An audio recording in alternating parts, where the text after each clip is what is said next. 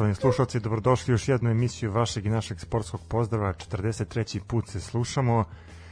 Ova nedelja za nas bila je poprilično burna kada su u pitanju novinari ove sportske redakcije. Išli smo na teren i boga mi dobro smo se naputovali, ali osim toga videli smo neka nova otvaranja. Nemojte da brinite, nismo gledali otvaranje zadruge 5, ali smo bili na otvaranju Bačkoj Topoli, pa ćete čuti naše utiske i impresije sa tog velelepnog izdanja.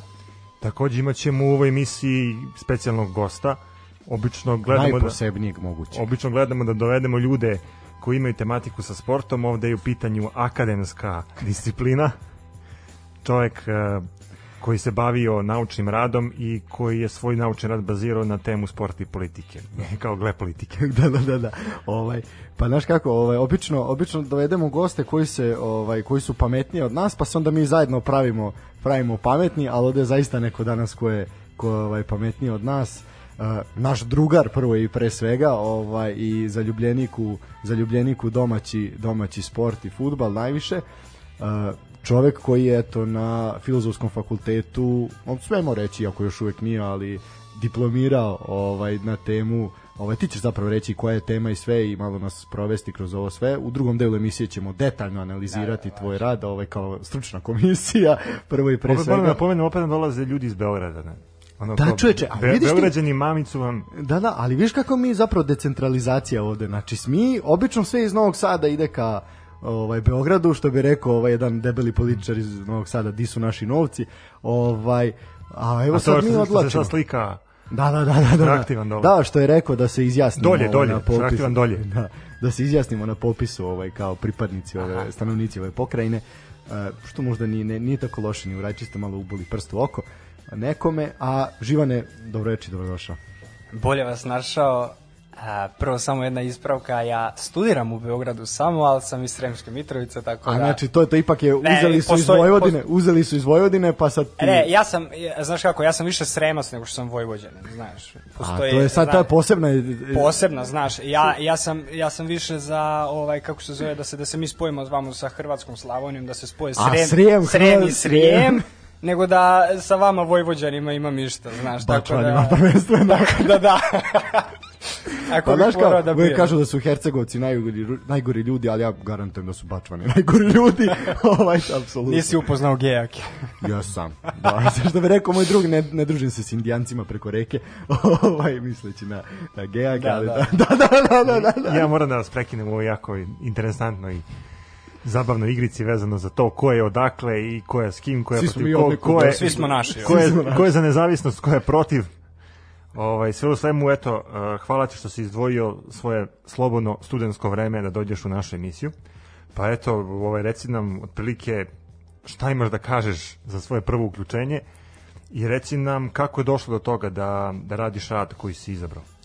Pa prvo, ne znam da sam se uopšte i predstavio, sam Živan Simić, znači Sremske Mitrovice, studiram u Beogradu na Univerzitetu u Beogradu na Filozofskom fakultetu, smere antropologija i etnologija, a za diplomski ovaj što sam pisao u vezi politike i sporta, konkretna tema je uh, nes, uh, Neraskidiva. Ne, neraskidiva, neraskidiva spona između politike i sporta iz ugla navijača Partizana. Mogu ti kažem, na, u Srbiji, da. na trenutak sam pomislio da mu neko drugi pisao. Da. Aha, aha, aha. da, da, da. Plaćeno na 300-400 evra. Za da, gospodine Mali, da, da, da, to da. vi da. Ne, ne, to, e, toliko sam, bukvalno, ja sam smislio sve meni je najviše vremena prošlo da smislim naslov, zato što A to ono... tako obično ide, da. To tako bukvalno, ono, ja sam, ne znam, iz jednog desetog pokušaja sam se s profesorom kao koji mi je mentor usaglasio da, da to bude takav naslov. Iako sam ja, ono, bukvalno u trećoj godini sam, ja mislim, već znao pošto je kod nas obavezan diplomski kako bi se diplomiralo, ja sam, ja sam u trećoj godini znao o čemu ću pisati zato što o čemu pisati rad od 70.000 karaktera ako ne piše nečemu što te baš ono interesuje. Mislim, ko bi pisao nečemu što ga ne interesuje toliko baš puno, tako da... Pa onda platiš pa ti neko napiše. Pa, e, e, e, da, ali, ali rekao, uzeo sam politiku i sport zato što, ne znam, to su dve te neke društvene stvari koje, koje me zanimaju i, i koje sam spojio. I eto, zanimljivo nešto, iako uh, u poslednje vreme taj odnos politike i sporta iz antropološke perspektive se sve više se proučava. Eto, nadam se da, da će bar moj rad podstaći još nekog da, da istražuje, da malo sagledava sport kroz, kroz politiku, ako ništa. Mi smo imali tu sreće pa su nam Daško i Mlađa kumovali kad je u pitanju naziv emisije, Da. pa nismo morali da se mučimo kao ti. Pa da, mi smo imali nekoliko radnih radnih ove verzija. Ovaj i onda tu kad smo došli na ovaj casting couch, ovaj poseli onako kao pred streljanje i kad su oni to pustili i rekli momci ovo je odlično, evo vam ključevi. Ovaj Od kauča. Da, da, da, da, da. Ovaj prošli ste, možete slobodno da se obučete. Ovaj i bilo je kao kako ćete se zvati, smo mi rekli pa mogli bi mi smo mislili za gol više, pošto je to neka ideologija jel ovaj Da, da, da. fudbala kako mi volimo da se uvek idem za gol više. 4-3-3. Da, ili 4-2-4 ako Da. ste ovaj, nenormalni ko što mi jesmo i onda su oni rekli pa neka ipak bude, pošto pričate o drugim sportovima, u tom momentu jesmo, ovaj, onda se zove sportski pozdrav i sad se zahvaljujemo Nemanji Matiću sa RTS-a što nas svaki put najavi ovaj, i on reklamira besplatno, ovaj, on započinje i završava prenos sa sportskim pozdravom naš. Aha, aha, da, da, da, vidiš, nisam uopšte da kreativno, da, da, da, A mogu da ti kažem, niko to nije primetio. Bukvalno Osim ne bi, ne, bi, ne bi ni primetio, bukvalno. Pa da, nikad. zato što ja gledam ovaj, sport na RTS-u još uvek, znaš, ono kao da. Aha, a ono, čekaš 8 i 5, znaš, pre vremen, vremenske Da nije bilo olimpijskih igara i paraolimpijskih igara ne bi njega Znaš da sport ni neka, neka, sad n- već godinama ne mogu da ubodu vremensku prognozu. Sad su počeli da promašaju i rezultate sportske. Znači, rekli su one utakmice koje smo mi pratili e, upravo, mislim, sa momcima sa Miljakovca, proleteri radnički da je 1-1 bilo, ovi su rekli da je proletar pobedio. Znači, ono, u paralelnom univerzumu koji RTS živi, znaš, ovaj, se Da, dešavaju da, drugi da, da. rezultati. Ili ono, pobeda Crvene zvezde od 2-2 i tako te neke... E, ja, ja bih, eto, pošto lepo smo najavili emisiju, već smo otišli u, treći minut polako, ovaj, zagrevamo se, uh, hteo bi da, da, da ovaj, iskomentarišemo eto, taj naš odlazak uh, u Da, Bačku naravno. Topolu. Avantura je počela u petak, da. Tako je, pa ćemo se posle ovaj, posvetiti Živanu detaljno. Ali i ti imaš pravo da komentarišeš, naravno. Mi dajemo slobodu glasa svima. Da, da, pogotovo Stanislav. Apsolutno. Apsolutno. Tako je, šta nemaš reći. Znači, kako naše putešestvije je počelo u petak, je li tako? Da, da, Imali smo, ovaj, ko je pratio našu pa Instagram stranicu ovaj, prvenstveno, mogao je sve to da se onako uveri uživo. U Ali petak, tenzije su već krenuli u četvrtak uveče. Jel? Pa da, kad smo shvatili da nas nema na spisku, U, da, bilo je, bilo je u jednom momentu, opet je onako mali đavo i anđe su sedeli na mom ramenu i kao, ajde da proverimo da li smo mi dobili akreditaciju, kao niko nam se nije javio. Znamo da su isto pole on kulturni ljudi, mađari, razumeš, on to sve po PS-u, nije ko ovi naša stoka ovde. Ovaj, drugi je to, druga je to država, veruj mi da je to druga država. Ko je, znači eto, ja sam, bili smo bojice zapravo u Senti, jel tako, ovaj, kad je, kad je TSC igra u Senti, ti si bio, jel tako, na Da, da. Da. Znači, i u Senti, i to, pa, i, pa i u Subotici. Znači, to je druga država.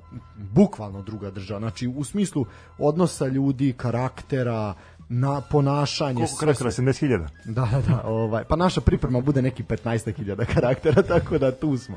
Ovaj, zaista ono ško, pa znam da bi se javili, makar bi rekli ne, kao niste, znaš, da baš bi ostali bez odgovora, ma, pogotovo za takav događaj koji zaista jeste njihov najveći događaj u, po, u posljednjih 40 godina postojanja kluba, ovaj, da, ono, da se niko nije javio. Onda se ja nazvao i ko rekli, pa mi nismo dobili vaš mail.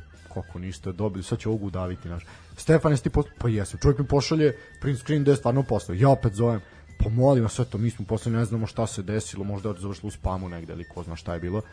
Ajde, molim vas, ajde, molim vas. I oni kao, nije nikakav problem, naravno ćemo izaći iz susreta, odakle ste, šta ste, ja sam tu fino kulturno predstavio nas kao radio Ozbiljnu podcast, radio podcast ozbiljan iz Novog Sada, oni su rekli, a kako, ne, naravno da može, i oni su nas upisali na listu. I onda smo mi u petak uh, negde oko 13 časova tako krenuli put, Pa. 14 časova krenuli put Topole i prvo iznenađenje je zapravo bilo već na ono naplatnoj rampi gde smo mi ono dočekali nas gužva, razumeš? Ima samo jedna naplatna rampa, znači ono samo kroz jednu možeš proći gde ono vidi se da je privlači masu, znači da će biti biti gusto.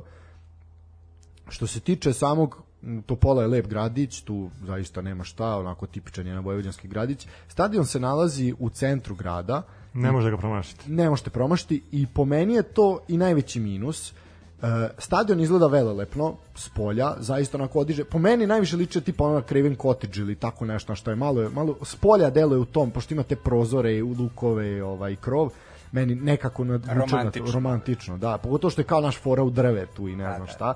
Ovaj I, ali je problem što su oni nalazi se na glavnom putu, pandan onome što je Karadžađe u Novom Sadu, s tim da je Novosadski bulevar mnogo šira ulica nego što je ovo, ali tu će biti ozbiljan problem sa parkingom, sa prilazom, kada ovde nije bilo puno pripadnika ovaj reda i zakona u plavim uniformama, znači ono tipa par saobraćajaca koji su regulisali saobraćaj i onom parkiću smo ih videli gde su se okupljali navijači uh, Topole, popularni Blue Bechers. Ovaj Znači bili su i oni, ja. Ne, pa naravno, da. I tu je bilo pa na što, a tu je bilo par, mislim oni nisu došli da prave haos, oni su došli da se okupe i da zajedno uđu na stadion. Ovaj i tu je bilo nekoliko policajaca, znači nije bilo žandarmerije, razumeš nego je samo bilo običnih običnih običnih policajaca mislim običnih po znacima ovaj i onda je prvi prvo iznenađenje negativno je bio taj parking koji je toliko loše bio organizovan gde su bile podeljene u neke zone parkinga gde su niti jadni ljudi koji tamo rade naš nisu oni krivi njima niti je neko dao spisak ni ništa naš oni su rekli ko vam pokaže boju na ulaznici može se parkira ko ne ne može. Onda smo mi lutali te, te 3 4 zone parkinga gde da se nađemo na kraju smo ono stali negde nepropisno ono sa strane aj stanite tu neće vas niko dirati Ovaj, tako da eto, to je neko, neko negativno, neki utisak je bio prvi, jer zaista je to malo malo ovaj nezgodno za dolazak, pogotovo kad si sa strane.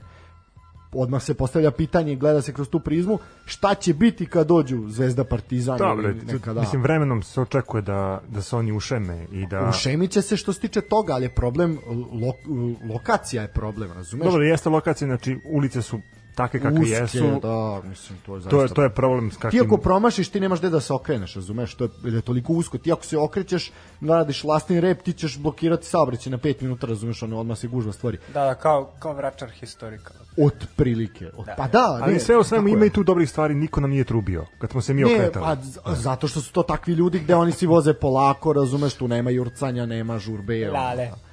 Pa da, sad mislim da to ne baš neće složiti s tobom, ali dobro.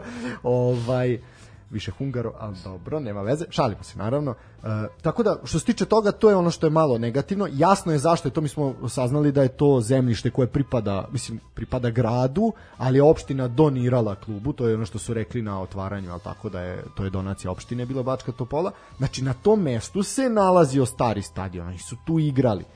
Znači, na, samo na tom zemljištu su digli nov stadion.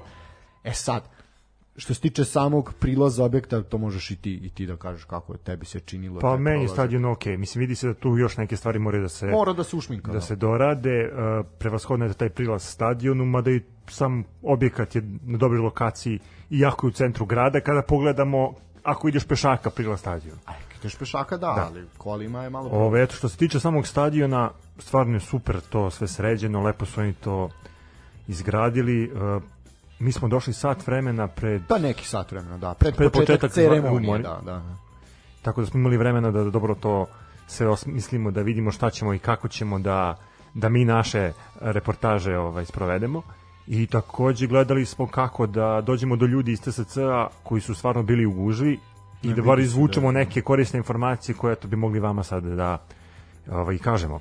Kad smo već kod tih uh, insajderskih informacija od ljudi koje smo, koje smo dobili, uh, saznali smo eto da, da stadion se očekuje konačno da bude u funkciji za godinu dana sa svim tim objektima koji se nalaze u Da, sklopu planiraju stadiona. restoran, hotel i sada sve te Da, neki spa centar, Pa teretanu. to sve što ide u sklopu, jel da?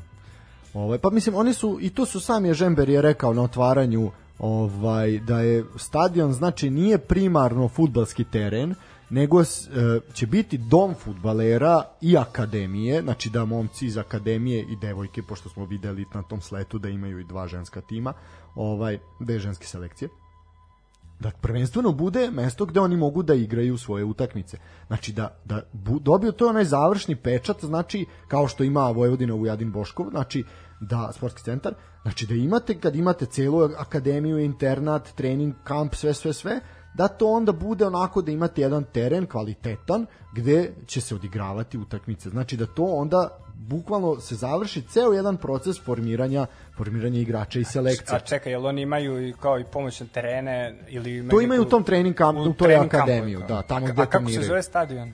To se Arena. arena. Trebao je biti sat trakt po generalnom sponzoru, ali na kraju se odustalo od toga i zove se TSC arena. Ti si spomenuo taj slet koji su napravili da.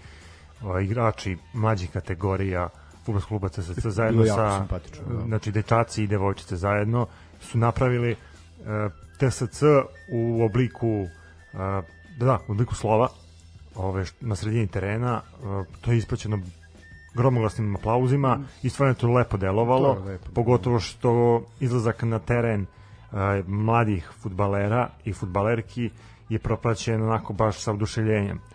Pa uvek je lepo Pa vidjeti lepo decu, naš, da. vidi se da koliko je toj deci to značilo i koliko su zapravo i oni srećni bili što su oni prvo, znaš šta znači za dete kad dođe da te gleda 20 ljudi kad si klinac, a zamisli kad vidiš 4000 ljudi na tribinama koje ti aplaudiraju, pa ti se topiš, mislim, to će biti, taj moment će biti svakako nešto što će ta deca pamtiti ceo život, a i drugo bit će neki motiv da se ono vredno rade, ovaj rastu i razvijaju se i da bi jednog dana dočekali da igraju tu zašto ne i neku evropsku utakmicu.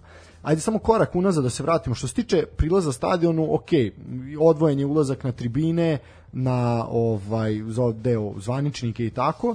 E, malo je što treba da se usminka to što je Stefan rekao, ali u suštini e, znači mislim da se poprilično jednostavno ulazi na tribinu sa e, očitavanjem karte, znači da je to sve sve pristojno pristojno urađeno. E, postoji više blagajni duž celog ovaj duž svih ivica zijel zidina stadiona, znači može se lako doći do do karte. Ovaj tako da Pritom kad, pro, kad prođete taj ulaz, nalazite na šankove gde možete da da kupite da osveženje, osveženje znači, i to ono hranu, nije piće. ko na stadionu Partizana da cipaju iz onih limenih ovaj vojnih posuda, nego je nego je to poprilično onako fino pristojno izgleda. Kažem WC su pristojni, ovaj lako se dolazi do njih.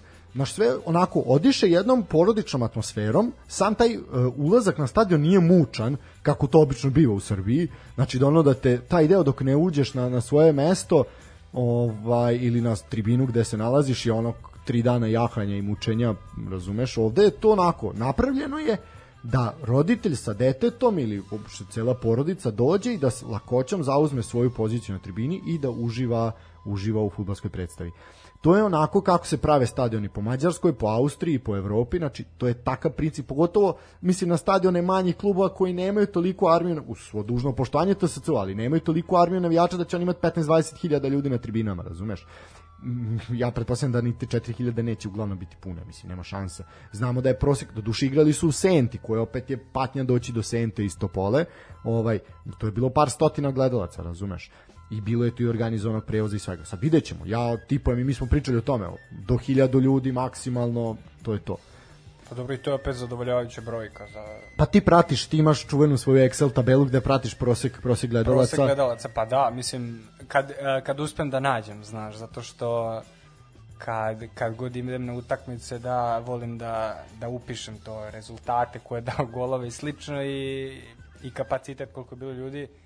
Međutim, e, kad se igra domaća liga, to uspevam da nađem na, na zvaničnom sajtu Ling- lige, a kad se igra Evropa, to sam bukvalno poslednje utakmice ove Partizana e, u kvalifikacijama, morao sam da nađem na sajtu BBC-a, koji, mislim, sajt BBC-a koji objavljuje samo rezultat, ko je dao go i bukvalno jedini, jedini su oni imali kapacitet, bukvalno sam kucao Čekaj, ono- ranije je bilo u žurnalu rubrika i onda ide tačno E, pa vidi, nisam- sastav timova, ko je sudio, ko je dao gol, koliko je bilo Čekaj, to je gledalaca. on, online misliš ili... Ne, ne, mislim na, na napisano izdanje. E pa nisam gledao pisano izdanje, znaš, to je problem. Možda, možda sam tu trebao da pogledam prvo, da. Ali znam da na sajtu uh, Partizana, na primer, za te utakmice uopšte nema Znači ne, na nema sajtu kluba koji igra tu utakmicu na Nema svom terenu podatak, nema da. podatak. Mislim, da. ne mogu da verujem, e, to za, za domaću ligu to se uglavnom zaokružuje, znaš.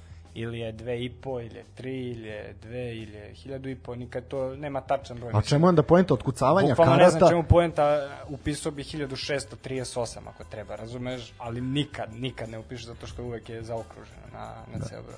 Da se vratimo na... da se na- vratimo na to se TSC. ne, ali vidi ovo je dobra stvar jel, naš upoređujemo to sa tim uh, mi smo pričali o tome više puta i ja zaista znaš kao ono da li bi odveo svoje dete na, na utakmicu doma ono da gleda fudbal? Naravno da bi. Da li bi ga odveo na stadion u Srbiji? Ne.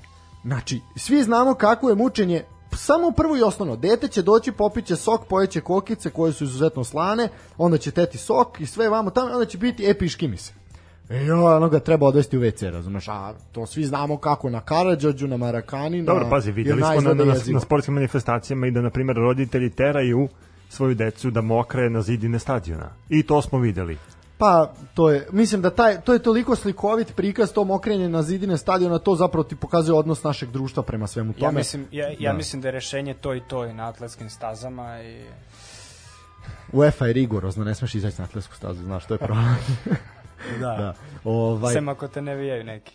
da, da, da, da, ja opet gledam da, da, da se držimo tematike i tematika je ta utakmica TSC i da, Fenerbahča. a, meni onako što je pozitivno, aj sad to je, to je bilo, da kažeš, negativno je bio taj parking i taj malo prilaz, a, sve ostalo je zaista bilo pozitivno, kažem, od toga kako to izgleda, koliko srdačno su nas ljudi dočekali. I to sad, naš, ja ne mislim da će ta srdačnost ispariti sad posle ove utakmice kao naš otvaranje, da će to zaista tako biti, jer čini mi se da je ljudima koji rade u klubu zaista stalo do tog kluba i da je to prva, prva osnova zapravo svega i mi smo o tome milion puta pričali. Znači, njima je stalo do tog kluba, njima, tim ljudima je stalo da to je, zato su se oni nervirali, zato to, znaš, ti si vidio da su oni u haos, pričali smo sa PR-om TSC koji se vidi da ono čovjek je rekao, znaš, samo da se ovo završi, da ono da se zatvorim negde u pećinu dve nedelje, jer kao ono što, jako je naporno, ali vidi se da im je stalo da to urade kako treba, znaš, da jel, pošalješ realno sliku u svet tamo je bilo jako puno novinara, među njima i naša redakcija, ovaj, ali zaista tu je jako puno,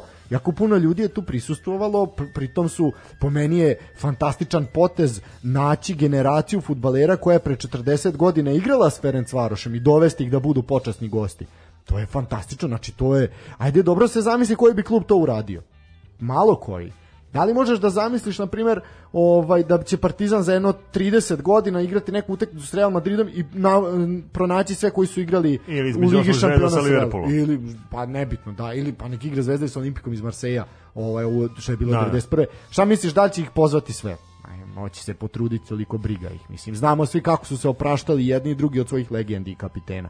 Na koji način. Tako da, naš, ovde, ovde to daje malo malo neku drugu, drugu dimenziju i opet da je tim ljudima zaista stalo do svega toga.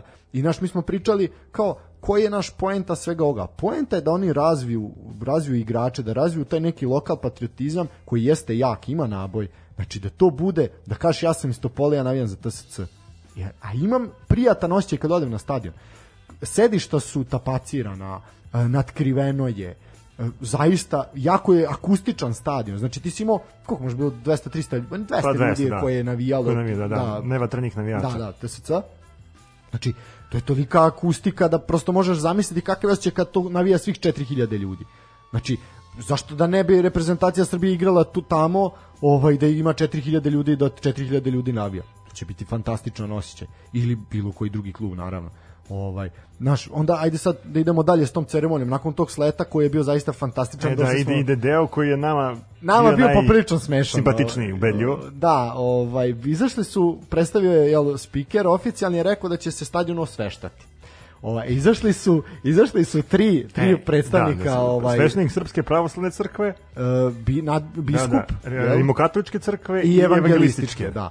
Ovaj, znači sve tri, sve tri su ovaj izašli. Prvo je išao uh, rimokatoličke, naravno na mađarskom. Sve je bilo dvojezično. Znači i sam speaker je prvo i Žember je jel, predsjednik TSC je pričao prvo na jednom pa na drugom jeziku, na izmenično je prvo išao srpski pa mađarski. Jako se tu vodilo računa da ne bude, znaš, da bude sve sve po PS-u. Čak i himna kad je išla, išla je himna prvo himna Srbije, Pa himna mađarske, pa himna da. mađarske. Da, Vidio sam i na tribinama su bile zastave. Da, da, pa da, išli da su i da bi, bila je koreografija, koreografija, da, ali u suštini koreografija je samo podloga, stolice su Plave. podeljene. Na istočnoj tribini su podeljene Ne, ne, uh, jedan plave su, plave su potpuno. Ne, jedan deo je uh, Plave su potpuno, to je samo bilo, to je samo bilo navučeno na stolice. Potpuno su, potpuno su stolice Misliš? plave, 100%. Ovaj, to je bilo samo navučeno i oni su to ljudi onda je dobili, imali su uputstvo da to podignu sa da podignu sa stolica, da se napravi ta kao koreografija i onda se to posle su oni to ono spuštali, bacili. Na potpuno su potpuno su dobro, plave. evo, ovo, ovo je informacija za mene baš ne, ne, potpuno, potpuno plave.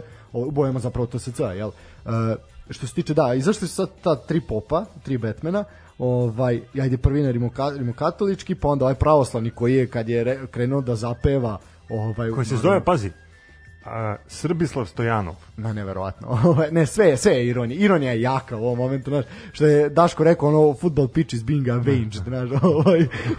znaš, onda je rekao osvešćuje se, ko je naš sad on za pevanje, rekao osvešćuje se fudbalski teren, a mi smo popada, znači mi, meni je toliko bilo smešno, sad neko će se možda uvrediti, ali meni je to zaista bio jedan moment onako, onako poprilično, poprilično cringe, što bi rekli mladi.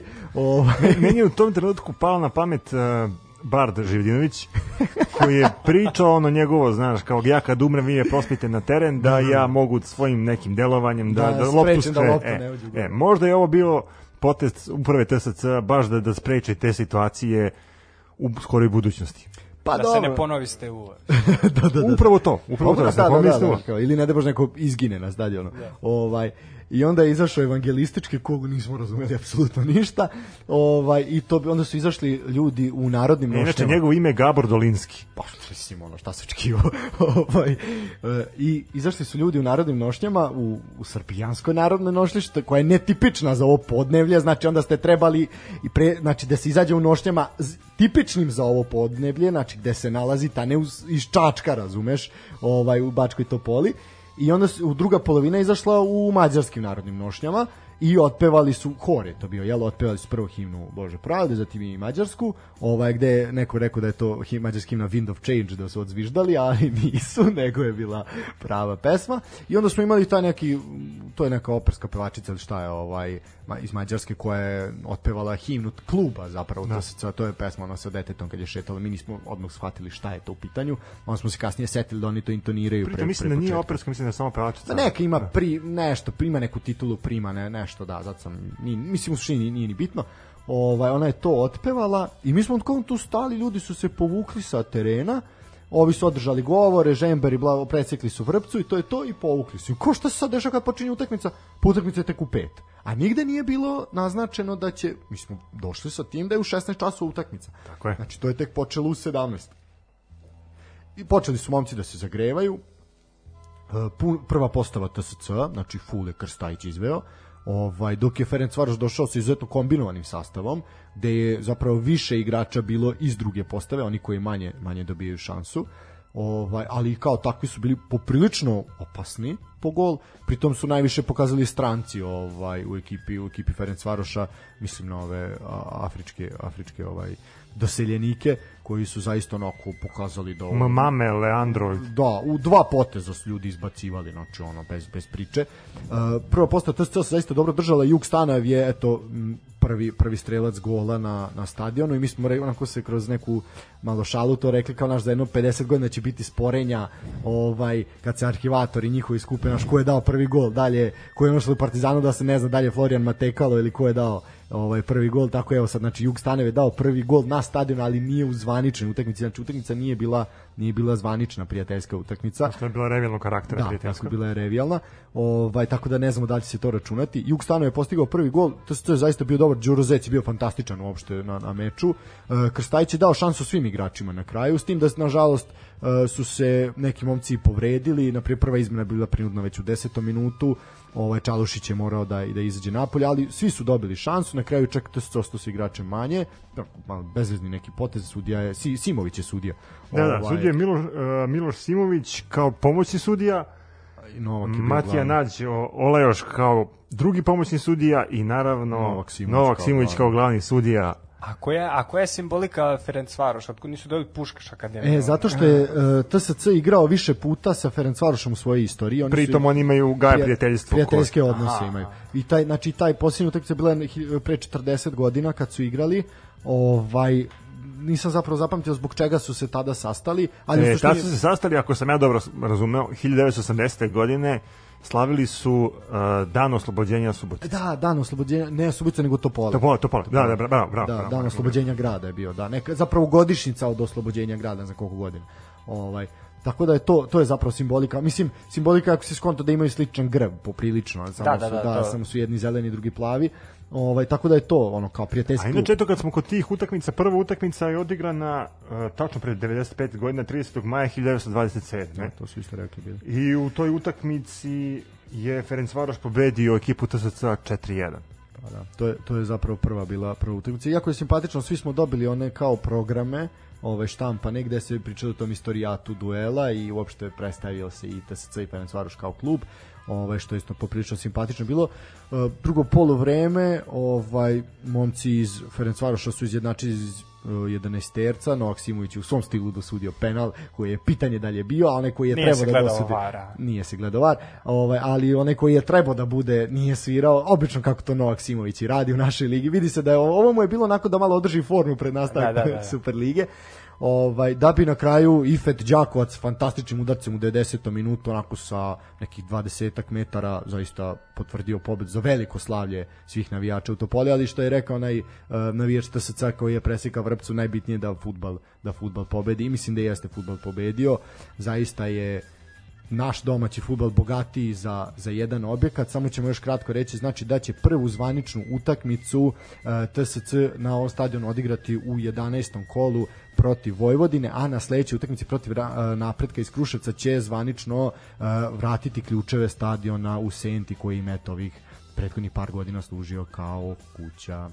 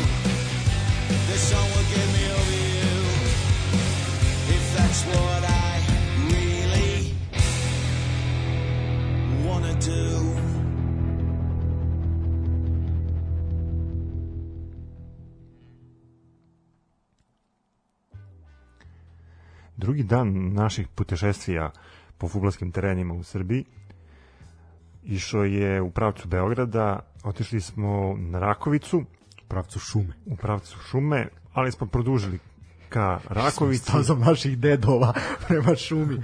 ovaj, Da, a sad zapravo, aj sad, ovaj, ja to, mislim, futbalski klub Miljakovac, znači igra, to, to gde se nalazi stadion pripada Rakovici, znači ne pripada Miljakovcu, je li tako? Ne, To je Rakovica To je. Rakovica, da, da. Pre, prešli smo onaj nadvožnjak, veliki most. A to je, Koji, to raz, je, koji to je razdvaja, da. Aha, aha, dobro, ja se izvinjam. U Ovaj, suštini sad, ne, nismo. Ne, od Miljakovaca kad, smo se spuštali ide opština Rakovica, pa pređemo most, e onda je posle toga sve ono ostalo Rakovica, pa ide gore Vidikovac i tako dalje. Ovaj, sve u svemu, eto, završili smo u Rakovici na utakmici između Miljakovca 13. maja. i 13. maja. Zemun, je li tako? Da, 13. maj Zemun, da.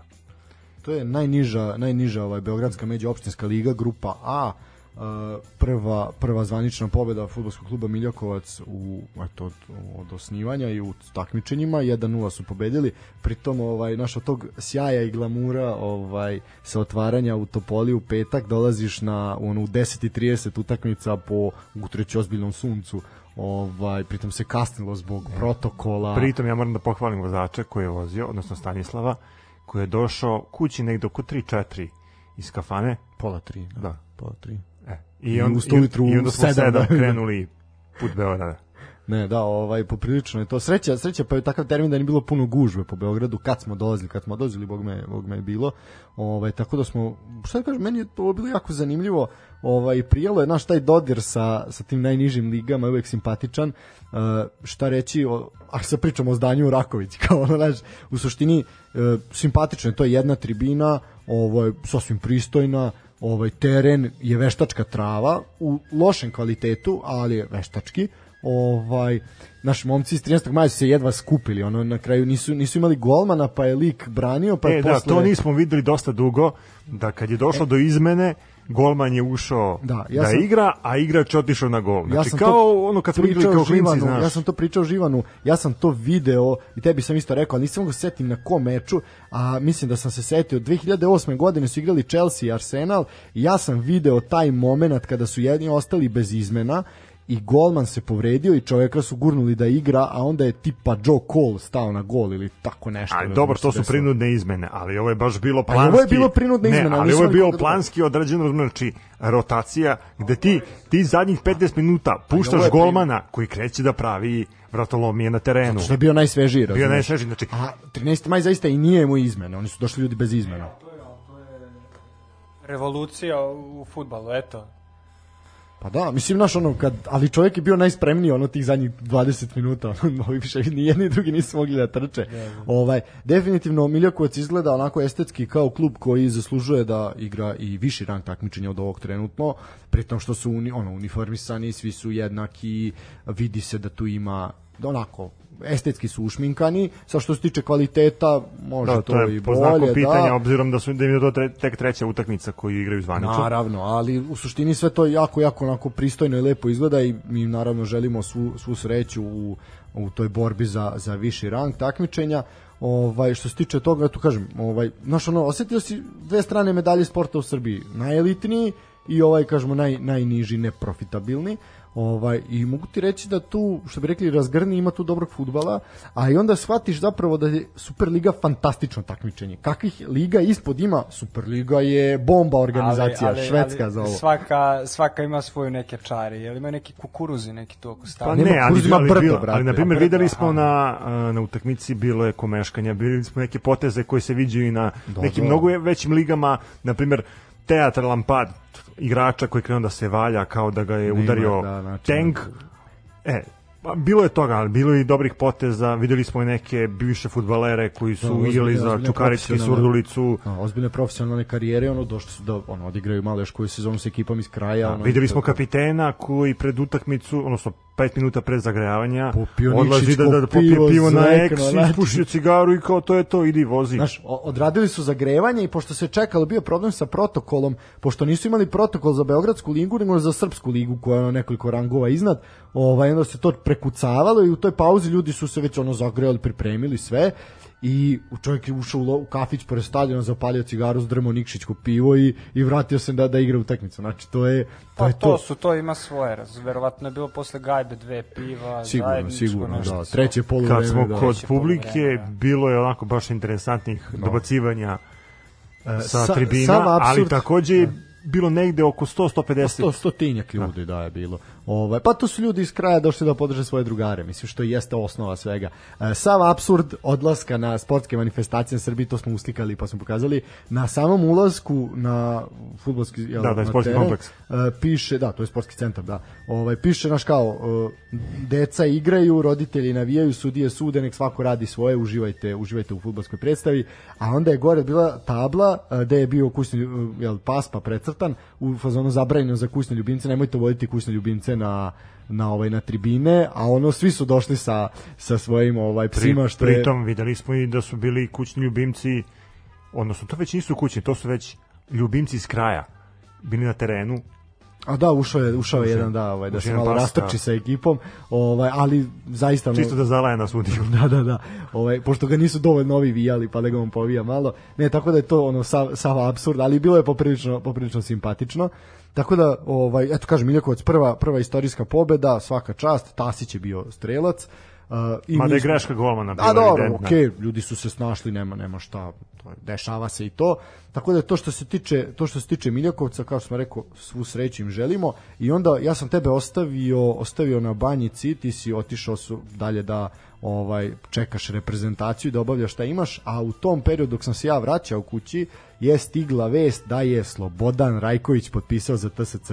Eto, Eto, ni u Zvezdu, ni u Partizan, ne- nego baš koliko godina se spajao sa Zvezdom i Partizanom? Ja mislim poslednjih nekoliko prelaznih rokova. No. Jedno pet- pet godina sigurno. Bukvalno, da, Da, sigurno. Mislim da sigurno. svaki prelazni rok je Apsolutno. neki Dovođen klub njega vezu, da. dovodio vezu. Da. A onda je ju zveknula još jedna bomba, pored ove Slobodana Rajkovića, Ognjen Đuričin, bivši futbaler Vojvodine iz Spartaka je potpisao za IMT. E, pa sad im je kasno.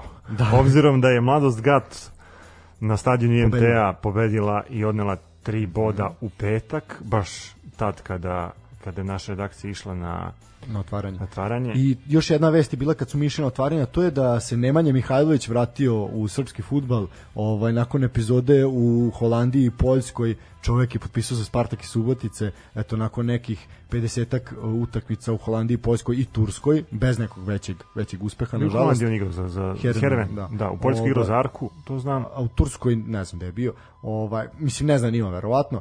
Eto, pokušaj rehabilitacije karijere u Spartaku, pa ćemo vidjeti gde će ga, gde će ga to odvesti.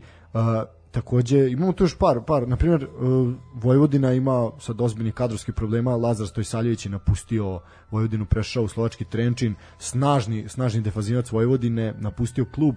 Pritom, de, Videćemo. deluje kao da nije dobio šansu. Očekivali smo od njega da, da zaigra u prvih 11. Eto, minutaža mu je bila poprilično problematična od početka sezone.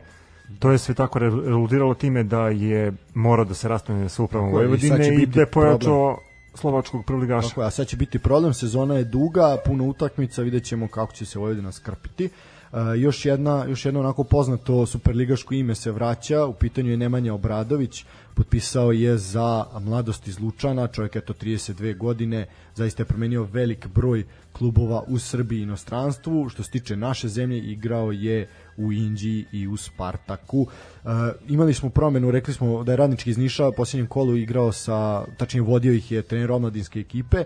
Pojavila se informacija da će Goran Plavi Stevanović preuzeti radnički iz Niša, međutim već posle nekoliko sati je ta vez demantovana. Shvatili su da je to za njih greška. Uh, ne, čovjek je rekao da ima zdravstvenih problema, da jednostavno ne može taj pritisak ponovo ovaj, u srpskom futbalu zaista koji postoji, ovo, pa i u radničkom iz Niša kojeg se ove sezone očekuje mnogo, ovaj, nakon one prošle koja je bila katastrofalna, jednostavno rekao ne mogu, hvala vam i Radomir Koković je izabran za novog trenera.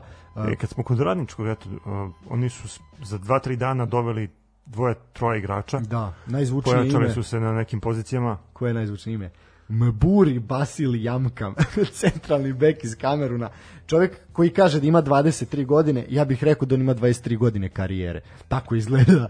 Da, ovaj, mislim tu biće biće ovaj kao kanga Ali čujem po, po tome što igra u Afričku ligu šampiona. Da, da, da, tako je. Dolazi iz kluba koji eto igra u Afričku ligu šampiona. Vidjet ćemo. Kao, na... Čekajte, jel, jel radnički iz Niša ima sad trenera ili ne? Ima, ima, Da, da. Koković je, Koković je. Ne pratiš da. nas, ne pratiš nas. Da, Ko znam gde ti misli Izgubio se kad smo rekli, ne kad smo Da, rekli Goran, radnički Niš gotovo ugasio. da.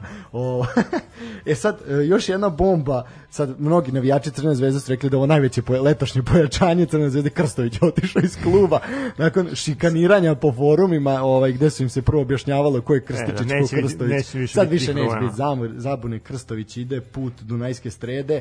Zvezda inkasirala od ovog transfera 400.000, ovo što moram priznati poklon za igrača poput Krstovića. Da li ovi iz Dunajske strede vide neki potencijal koji u Zvezdi nisu videli pa su to platili toliko, ali u svakom slučaju puno sreće ovom momku, mislim da on može da se razvije, samo treba dati, dati šansu, pogotovo u području koje nije toliko ovaj pod pritiskom kao što je svakako Crvena zvezda, je li stadion Rajko Mitić. E, to su neke vesti iz domaćeg domaćeg fudbala, transferi koji eto se polako privode kraju. E, samo reći da Partizan je vratio Miletića Nemanju Ćelovog, jel, ovaj kao štopera beka, ne znam, nije vratno šta će jedan Četvrtog štopera. Četvrtog štopera, pa da.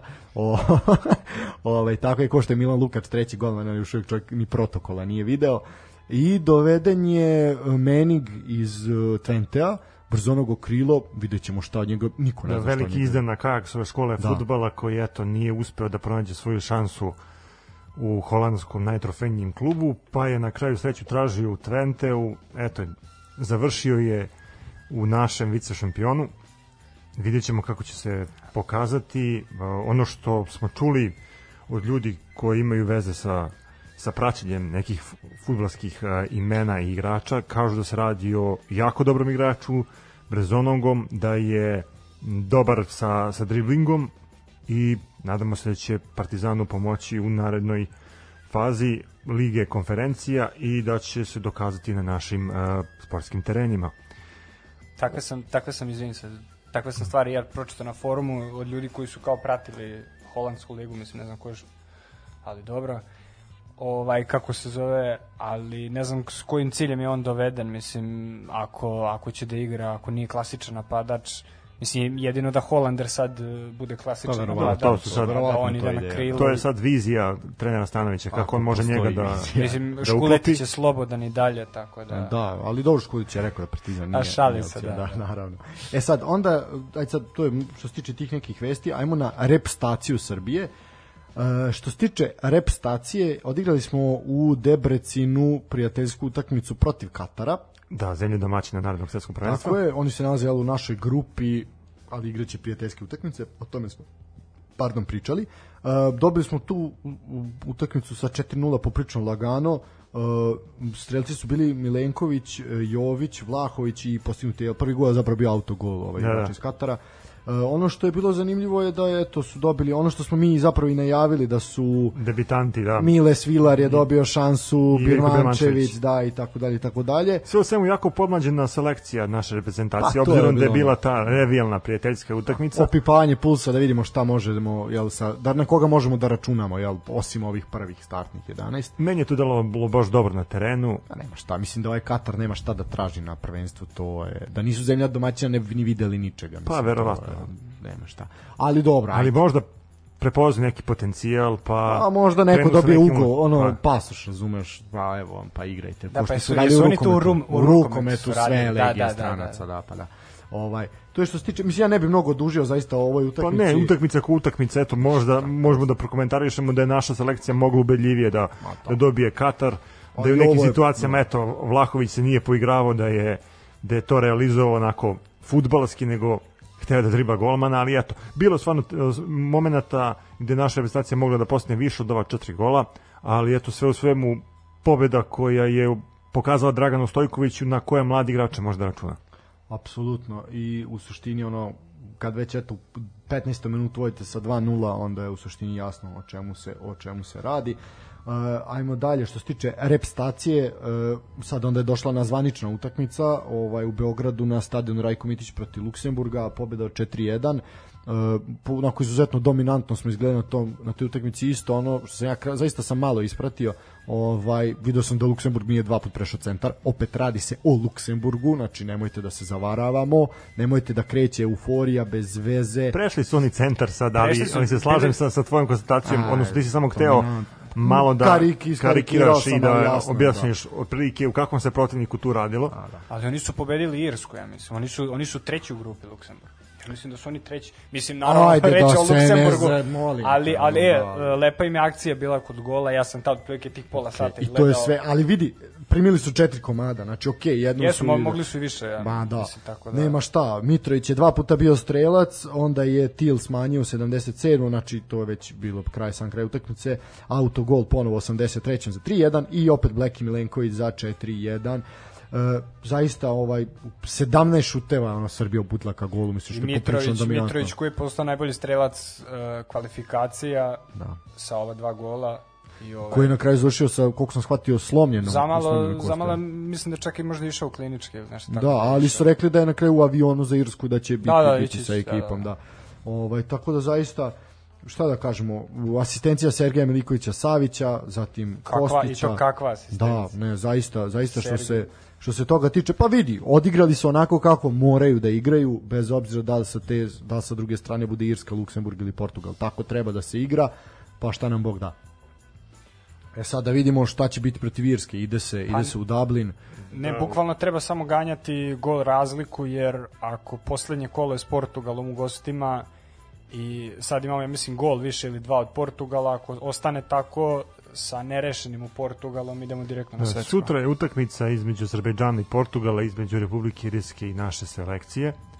Da, Portugalci i Azerbejdžanci igraju pre nas, oni utakmicu započinju u 18 časova. Pritom znamo da su se patili u prvom prvom meču, da je to bilo svega ovaj da je to jedva Pa i- da, ali eto, Pa i mislim, protiv Irske isto Portugal je ono, Pa da, u zadnjim 88 minutima, da. 90. mislim da je to možda utakmica koja je nama mogla mnogo da donese, ali eto Portugal se izvuko na individualni kvalitet Cristiano Ronaldo, na neku sreću, na ne znam šta da kažem, na neki futbalski rezon koji oni imaju i na ugled između ostalog.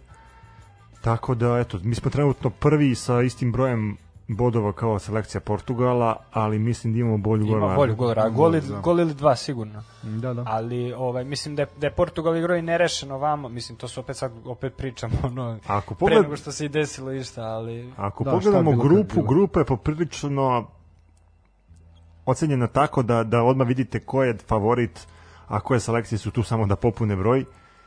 Naša selekcija ima stvarno velike šanse da ode na svetsko prvenstvo, ali opet m, važno je da budemo koncentrisani u ovim utakmicama koje slede, da ne gubimo bodove i između ostalog da čekamo na kraju taj susret sa Portugalom u Lisabonu. A kako, zašto, izvini se, tebe sam prekinuo, ovaj, uh, ja sam to tek skoro, dobro nije skoro, ali posle utakmice s Portugalom sam skontao da, da drugo plasiranje ne ide direktno na svetsko da. prvenstvo, već ide u razigravanje. Da, da, To je uvek baraž. pravilo bilo tako da. A tako ide da u... A da, da, da, da. da. Uvijek drugi ide u baraž. Pa znaš da smo mi od 2010. poslali Francuze u baraž. Pa je Henri rukom. Jeste, da, da. A 2006. smo Španci poslali. Pa tako je. Da, da, da. da. A završi kao najgora reprezentacija E, na da. svetskom prvenstvu, da. Ovaj da, tako je. Ovaj to je to je tako. Znači pa eto, vidi, ali vidi pobeda sa i protiv Irske u Dublinu, znači ti si jednom nogom već tamo. I onda ti samo treba pametna i hladna glava u Portugalu i u suštini si si rešio priču. Ovaj, ali dobro, ajde, pravi ispratit ćemo. Sutra u 15 do 9 je utakmica, mislim da je javni servis. Da, da, da, prenosi, da. E, mislim da ne prenosi javni servis, nego A, Nova nova S. Nova- nova Nova S, S izvinjavam prenosi, se, da, da. da. Znači 30% stanovnika Srbije će imati mogućnost da prati reprezentaciju preko TV da. prijemnika. Ostatak ljudi će se nasnalaziti. Da. Ono što bih ja istaknuo još je ovaj što se tiče ovih prethodnih utakmica koje su se odigrale je fantastičan pogodak Radunovića za Crnu Goru koji čovjek nađite šta je čovjek pogodio iz Slobodnjaka. Zaista je to onako iskosa. Pritom je Crna. Gora u toj utakmici sa Turskom gubila 2:0. Da, i eto, i stizala tu prednost i eto na kraju su uspeli da, da uzmu bod, Eto sad igraju ali njihov, njihova grupa je poprilično teška Pa i šanse su im nikakve. igraju, A, igraju moramo- sa Latvijom sutra, tako da eto Moramo šanse, da. spomenuti i Bosnu i Hercegovinu koja je 1-1 s Francuskom. Da. A pritom su imali šansu i za bolje. Poveli su se 1-0, Džeko je bio strelac, ja mislim da i onda su i prosuli to što su. Ali dobro, to je naš mentalitet, mislim, ovih naroda sa ovih prostora, tako da je to u suštini tako. Saničanin je bio u duelu sa Mbappé. I tu si pokazao gde se mi nalazimo i gde Da, se da, nalaze da. oni, da. ali ali nije nije bio loš kao i video sam i da je Šćekić bio dobar protiv protiv Turske tako da ne znam da li Kiflica igrao Mislim da jeste. jeste Ajde, ako pogledamo eto, zemlje bivše Jugoslavije, najveće šanse za odlazak Pa imamo mi u imamo mi i Hrvati. Pa kao i uvijek. Mislim, mislim da su Hrvati sad ovom pobedom, koga su pobedili oni 1-0 sad? Oni su pobedili... uh, Slovačku. Da, da, Slovačka. Slovačku, Da, oni se nalaze u grupi sa Rusijom, Oni su drugi Slovenijom, grupi. Slovačkom, Maltom i sa Kiprom. I A oni su- njihova grupa je generalno teška, mislim, to su ekipe koje, mislim, e, realno gledano je teža je grupa od naše. Da, Posebno definitivno teža grupa. Pošto, posebno pošto Irska nije u, u tako dobroj formi kao, mislim, uvek su gostovanje na ostru gde god bila. Ali eto, oni se nalaze u sličnoj situaciji kao i naša reprezentacija. Imaju maksimalan broj bodova, uh, ali su opet drugi. Rusija je ispred njih zbog bolje gole razlike. I Da, ali oni su igrali tamo sa Rusijom 0-0 igraće u Zagrebu, verovatno će se tu odlučivati ko će, ko će ići na, na, na svetsko, da. E sad, paralelno dok traju kvalifikacije ove i evropske, traju i, i u Africi i u Aziji, a u Africi imamo jednu nespecifičnu situaciju gde se trenutno nalaze u Gvineji Bisao, nalazi se e, internacionalac Partizana se i Dubo Suma koji je zarobljen u hotelu zajedno sa ostalim igračima trenutno na državni udar tamo. Ovaj, i sad ti ovaj, pučisti traže 32 miliona eura od Liverpoola da puste Kejtu iz hotela da čovjek može se vratiti u Englesku. E sad Partizan je na vezi sa Sumom kaže da je sada sve u redu da se on dobro, na, dobro osjeća Ali nisu sigurni kad će se vratiti. Ja, ni nemaju pojma kad će se vratiti, ovaj, ali znaju da čovjek ima ima ovaj znači znali smo da protiv Santa Klare doživio rupturu mišića dužine 11 mm. To smo pričali smo baš ti ja o tome. Da, da. Ovaj i oporavljao se nekoliko dana, onda otišao u Gvineju, tamo igra za reprezentaciju, tako povređen. Pa se povredio nešto. Pa se opet po pa Da, naravno da. da se povredi sa rupturom, ovaj i onda je onda je sad zarobljen ono dok ovi sa kalašnjikovima vijaju ispred ovaj hotela, tako da zaista zaista Ali, je ali to. moram da ti ispravim, nije to uh, za afričke zemlje, to nije uopšte čudno. Pa naravno da nije, mislim to je bukvalno Pa izvini, imamo i u Nikšiću, ovaj bože u Cetinju isto to, tako da, ovaj šta sa šta. Ne, ali ću? kod njih je baš ono mislim da su da su samo Francuzi u poslednjih 50 godina ubili preko 70 zvaničnika tokom e, e, dušče, dušcele Pa da, Afrike, predsednik, da- predsednik Alfu Konde je trenutno taoc, jel, tih pučista. Da, da, pučisti su trenirani od strane Amerikanaca, od strane Francuza, tako da, da, to je Oni su- verovatno nekom, nešto mnogo dublje kolonijal, naravno, neokolonijalno, imperijalno. Ja ću samo da kažem da RTS trenutno reprizira u jutarnjem terminu čuvanu TV seriju Kraj dinastije Obrenović. Nije ja ne da su znam. došli opet do toga. Pa ja ne znam, ali ovo samo nekako ne gledam. povezujem sa, sa tom nekom Kakav situacijom. prelaz sa, sa Gvineje na, na, na repriziranje RTS-a. Da, da li on to daje ovim pučistima kako da se reše ovaj kako da se reše? jel, jel RTS to kad reprizira, oni nešto su obavezni da plaćaju te Tako je, tako je. Ali Pa znaš koliko je Radoš Baj- Ali bila je frka nešto da nekom nisu isplaći, isplaćivali. E, Nekom, ali pa tako si podoban, onda dobiješ pare, ako nisi podoban, onda ne dobiješ. Pa Radoš Bajić se obogati od repriziranja serije, Da, ovaj, da, pošto da. je debelo u ugovoru napisano koliko se daje. E Sad, samo ću reći da je ne bi sad trebala da odigra utakmicu protiv Maroka, ali nažalost eto zbog situacije to se nije desilo. Samo ćemo reći da Partizan sledeći meč igra 11. septembra protiv Radničkog iz Kragujevca u Kragujevcu, a 5 dana kasnije će biti gost Anortozisu na Kipru, vidjet ćemo da li će Suma uspeti da dođe na okupljanje ekipe.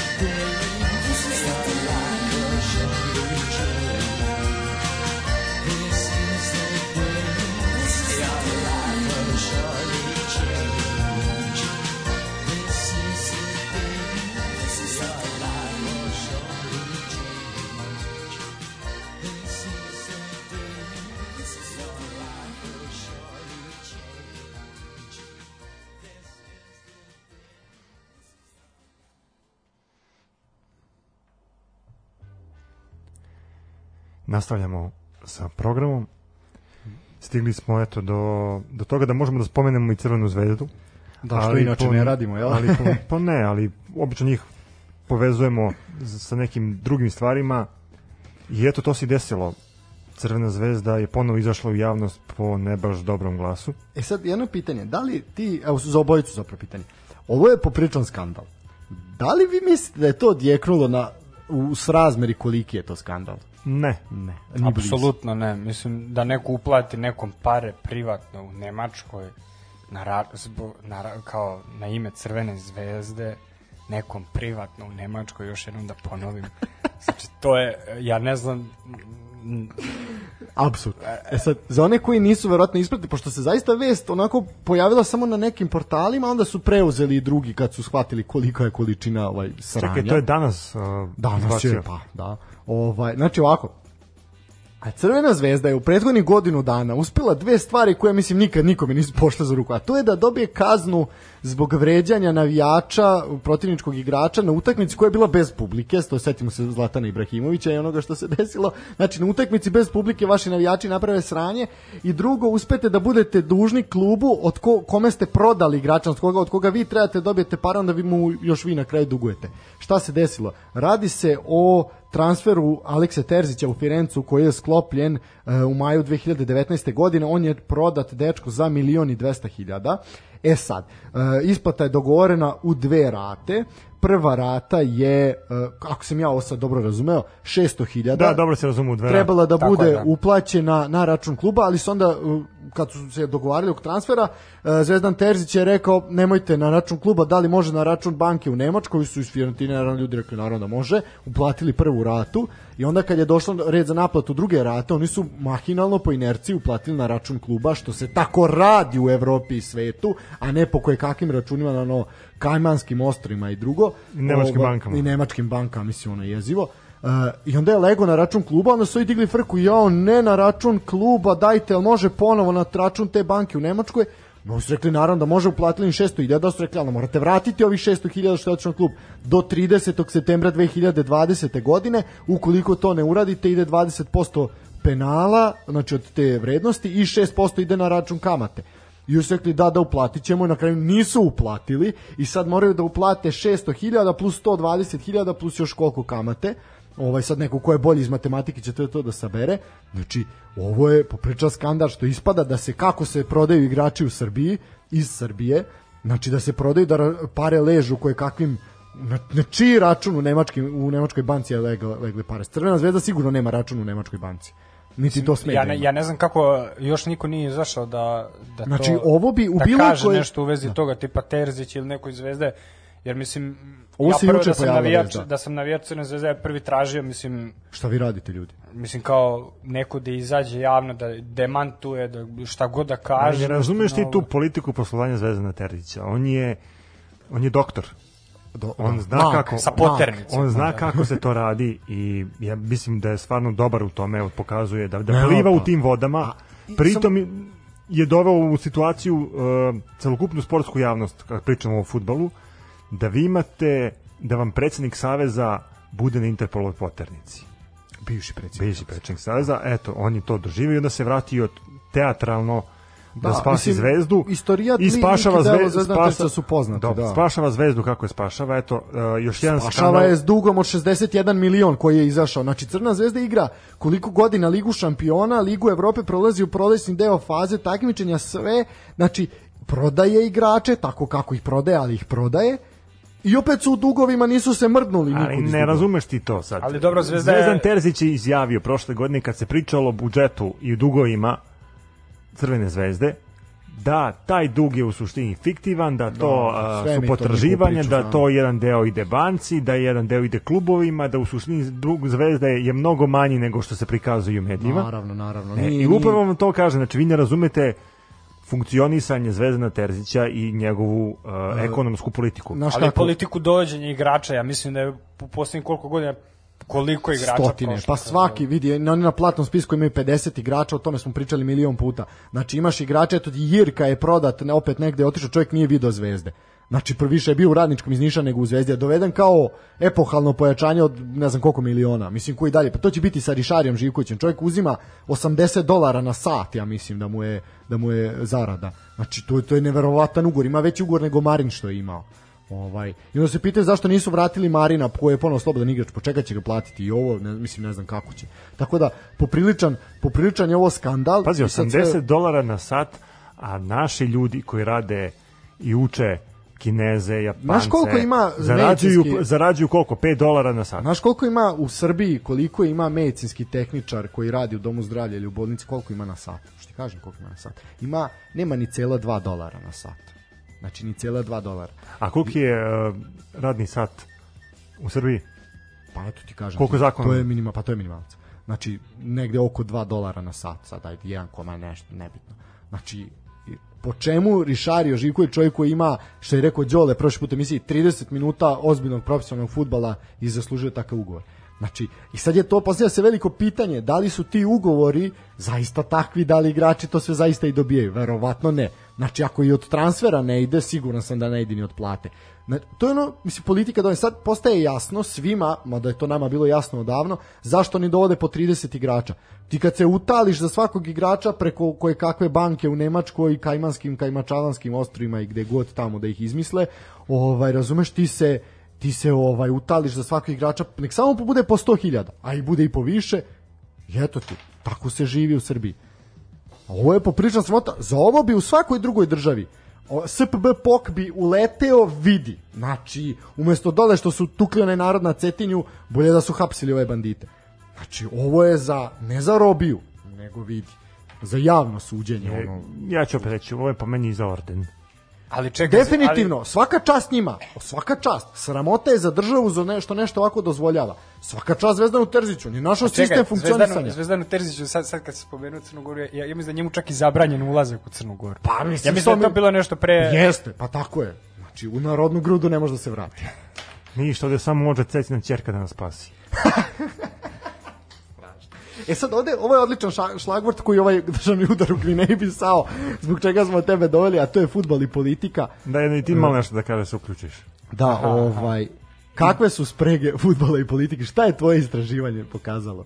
Aj, joj, pa svašta vidi. E, ja sam išao s ciljem da u prvom, u prvom delu rada pokažem kako, e, kako politika i sport na globalnom nivou ne mogu da idu jedno bez drugog i kako to nije slučaj samo sad, nego je to slučaj od davnina. Znači, poznata izreka još iz, iz vremena rimskog carstva je hleba i igara. Svi znamo kako je nastala, znači zadovoljiti nezadovoljne mase kroz gladijatorske igre i kroz davanje njima hleba i da jedu šta.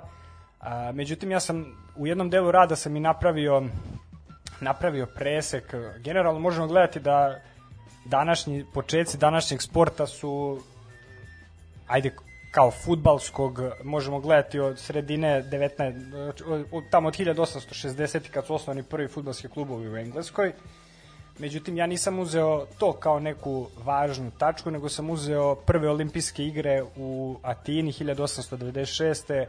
kao neki početak nekog, nekog modernog sporta koji... Odnosno onog sporta kako mi danas znamo. Tako je, da, da, da.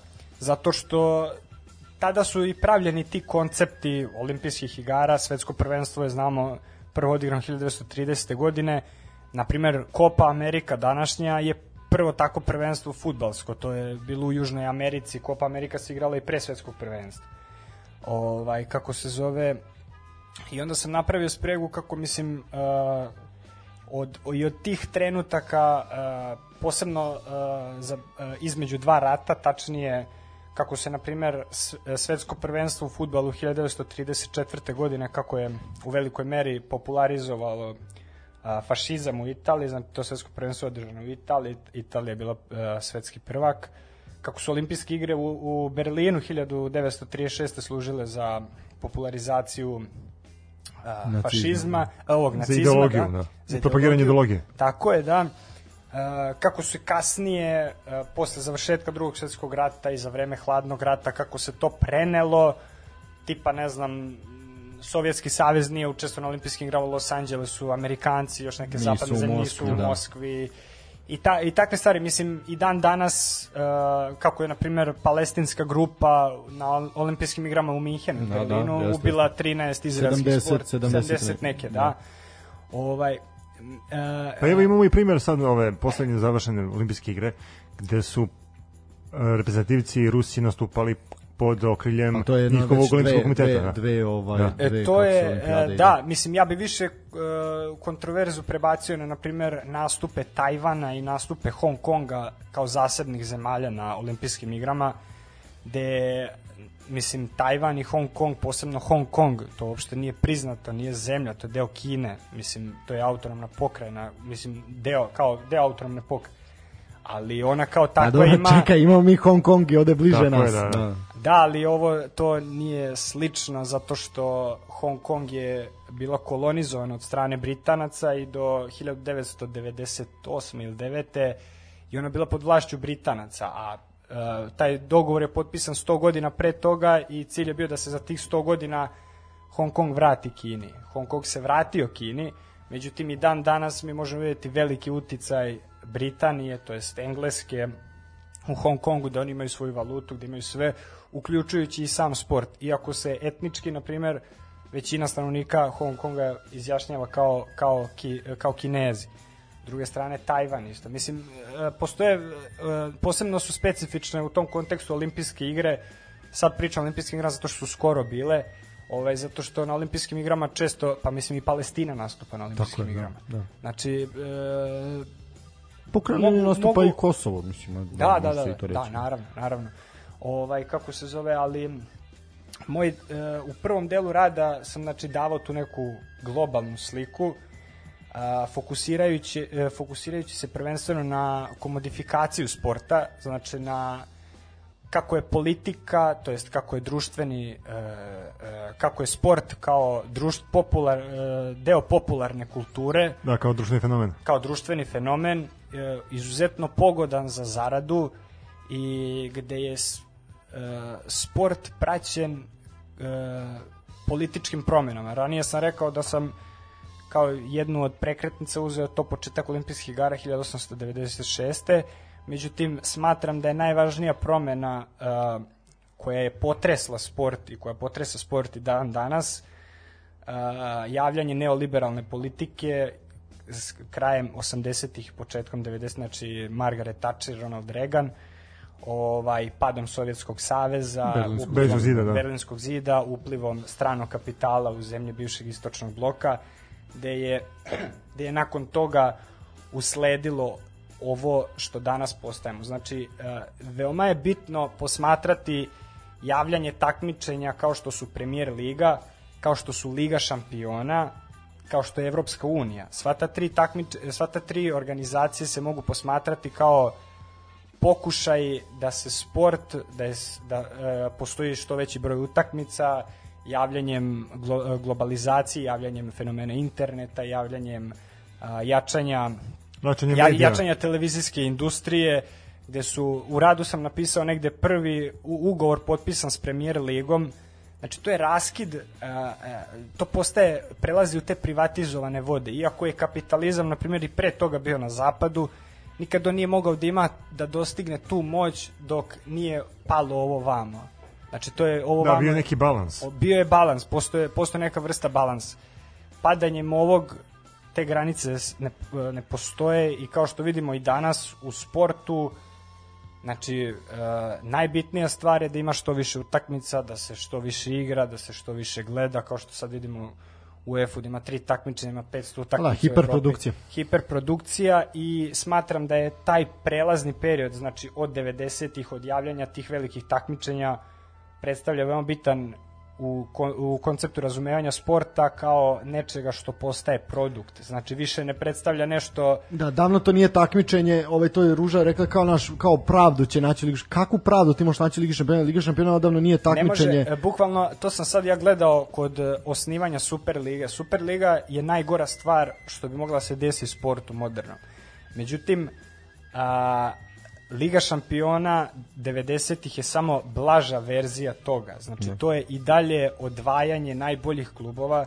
Tek danas, gde ti imaš iz najjačih liga po četiri direktna Ali predstavnika. po meni se čini čak da eto stvaranjem te treće lige, odnosno lige konferencija, zapravo je došlo do razdvajanja uh, određenih klubova koji pripadaju tom nekom, da kažem, Sad- srednjem Tako je. Sad čak srednjem i u staležu. Ligi Evrope koja je bilo takmičenje rezervisano za te niže, po znacima navoda niže ovaj rangove, u smislu na saveze i, i te klubove i tako dalje, nižeg, Da, niže i tu- i tu je po popularnosti, je moglo tu da se nađe neka, A da, to je sad, uteha, sad to je ne može ni tu. e, To je sad sve više ono razdvajanje, znaš, u Ligu šampiona koliko ima 20 nekoliko ima direktnih učesnika, 8 ili 6 mesta se popunja. Dobro, kad Pritom doći do Lige šampiona kroz te kvalifikacije je da. normalno teško, da. Mislim, to mi je kao, ovaj, kako se zove, taj period 90-ih sam uzeo kao prelazan. Mislim, u jednom delu rada sam napravio poređenje i sa Amerikom, a, gde... a, Gde, na primjer, u NBA imaš 82 utakmice tako je, tokom tako je, da, regularne sezone. ali, ali napravio sam i sa, i sa tog razliku, sa tog kulturnog uh, aspekta, sa tog socijalno-društvenog, lokalnog aspekta, gde i pored toga što je kapital kao takav uh, iz, izuzetno velik kapital ušao u klubove, na primjer, sad ćemo porediti, na primjer, samo sport u Engleskoj, futbal i sportove u Americi. Znači, postoji velika razlika između timova kao što je Manchester United koji uh, ne postoji mogućnost da se futbalski klub Manchester United zbog uh, veće zarade preseli u Liverpool, na primjer.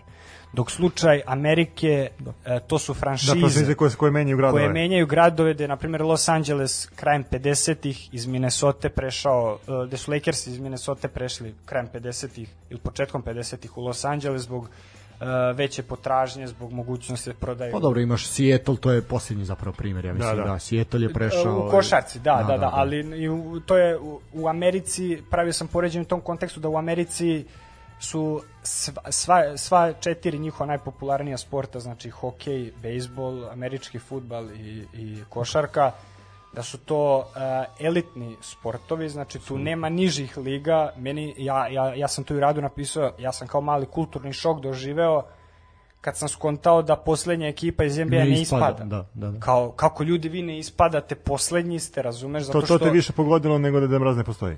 Pa od, ne, ali, to, ali baš se sećam toga kao, kako neko ko je poslednji ne ispada, kako nema nekog ispod da ga Ali nasledi. to ti govori zato što to, znači, cilj nije takmičenje, cilj nije da se pokaže ko je najbolji, cilj je isključivo zarada. Naravno, ali... Uh, I kom, naravno, kao, komercijalizacija. kao u ovom radu sam, mislim, s te malo antropološke strane sam gledao i taj odnos lokalnog i globalnog, razumeš? A, ti klubove kao što su Manchester, to što sam malo pre rekao, Liverpool, takve stvari nije moguće. Moguće je, naravno, kao što je slučaj MK Donsa i Wimbledona. Dobro, ali gde smo imali situacije, na primjer, da dođe strani kapital u neki engleski klub i dolazi do promene boja kluba, dolazi do promene klub o, grbova, dolazi do, do je. menjanja tradicije. Ali oni to neće raditi zato što bi ti time Ali- ovaj izazvao izuzetan bes. Ovaj, Ne, ti samo je, jednostavno ne ću- možeš na te a, klubove koji su a, poprilično a, finansijski jaki. Imali smo, na primjer, taj, tu situaciju kad, kad pričamo eto, o tom modernom futbalu, dolazak američkog kapitala u Manchester United. stvaranje United of Manchester. Da, i stvaranje novog kluba koji je podigao mančestersku crvenu stranu, daleko od svog kluba, ali su oni počeli da prave neku drugu priču na neki svoj Ali, prepoznatljiv način. ali to je sad to je sad drug, druga stvar. Znači oni su tu iz, išli od boj, iz bojkota, ali oni nisu nisu došli braće Glazer pa su rekli a sad ćemo mi da promenimo, sad ćete vi biti žuti, mislim Tako ono je, da. tako je, to Znaš, sam- to je, to sam- to to sam je druga da stvar. Ali ti kažem, znači, a, da se to desilo, mnogo bi veću On, a, ali to se senzaciju neće, to izazvalo. Pa naravno da, da bi izazvalo, Da, ali to ali, se ne bi tebi- desilo da bi ih zapalili. Dobro, mislim, ali tebi, na primjer, kad ne- dođe neko i kad ti promeni boje, evo uzmemo primjer, ajde u našem, našoj ligi, da dođe neko promeni boje a, Javoru, to bi se prihvatilo. Ne, pa prihvatilo zašto je to javor. Pa dobro, ali ti kažem, Ne, da dođeš što- da menjaš boje Crvenoj zvezdi, znaš, ljudi bi samo ne Naravno, zapitali kao, e, kao, Pa ovo je došao, Pa nije ti poređenje baš isto. Je, ali, ali delimično može da shvatiš šta hoće da kažem. Svate na šta hoćeš, ali nije, nije primer To sam- ovaj... Reci, reci, Ivane.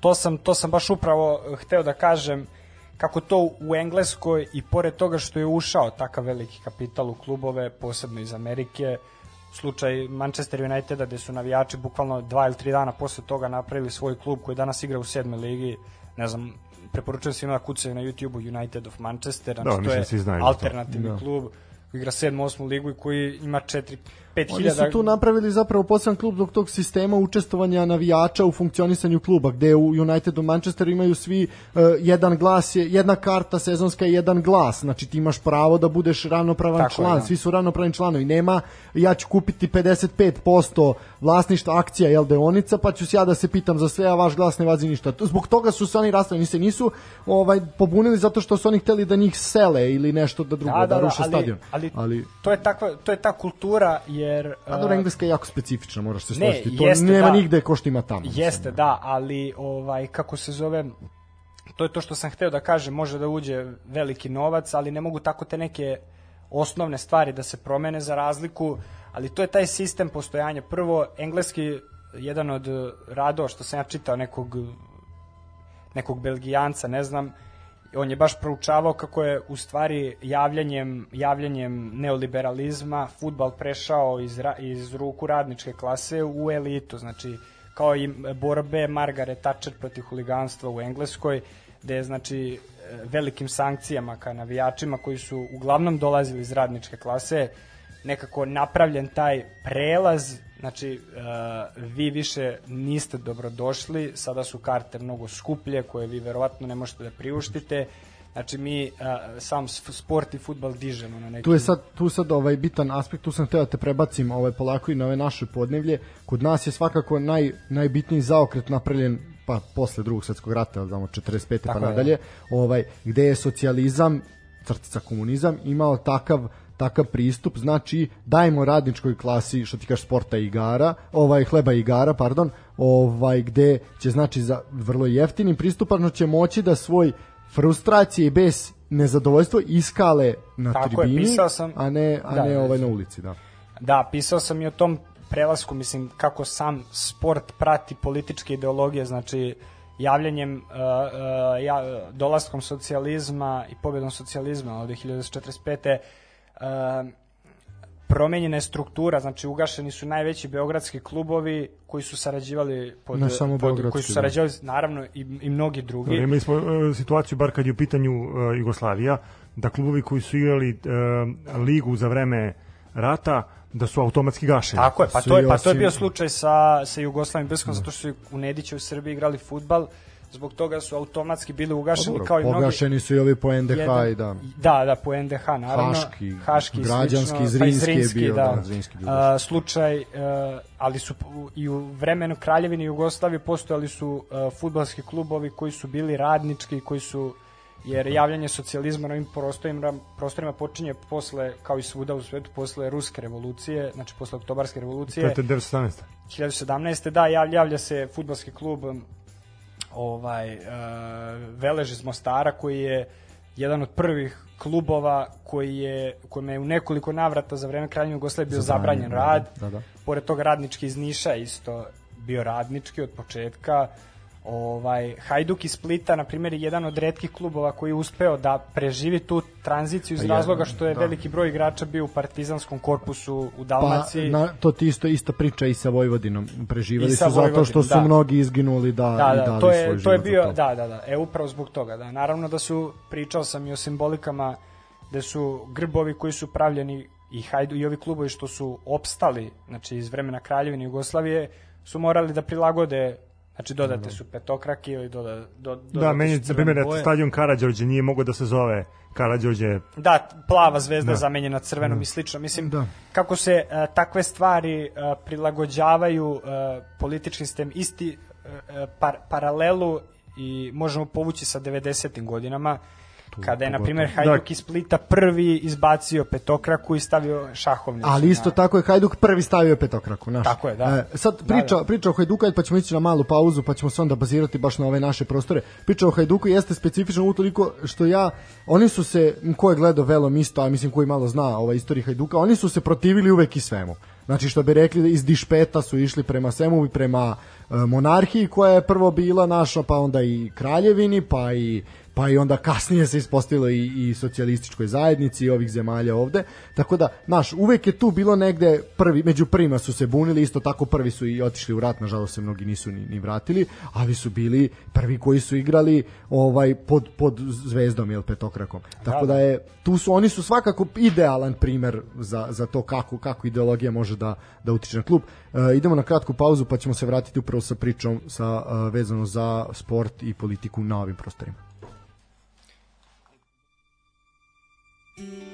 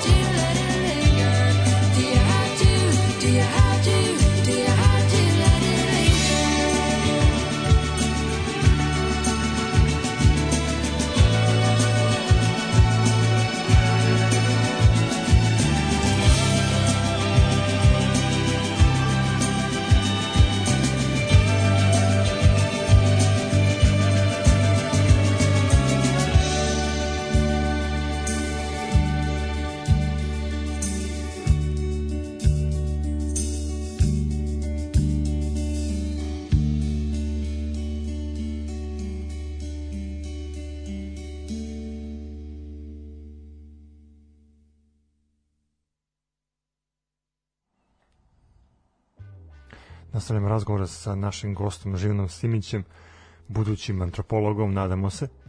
Da koje zvanje dobijaš kad završiš? Diplomirani antropolog. Diplomirani je etnolog i antropolog, zato što zajedno, uh, etnologija i antropologija su zajedno, da.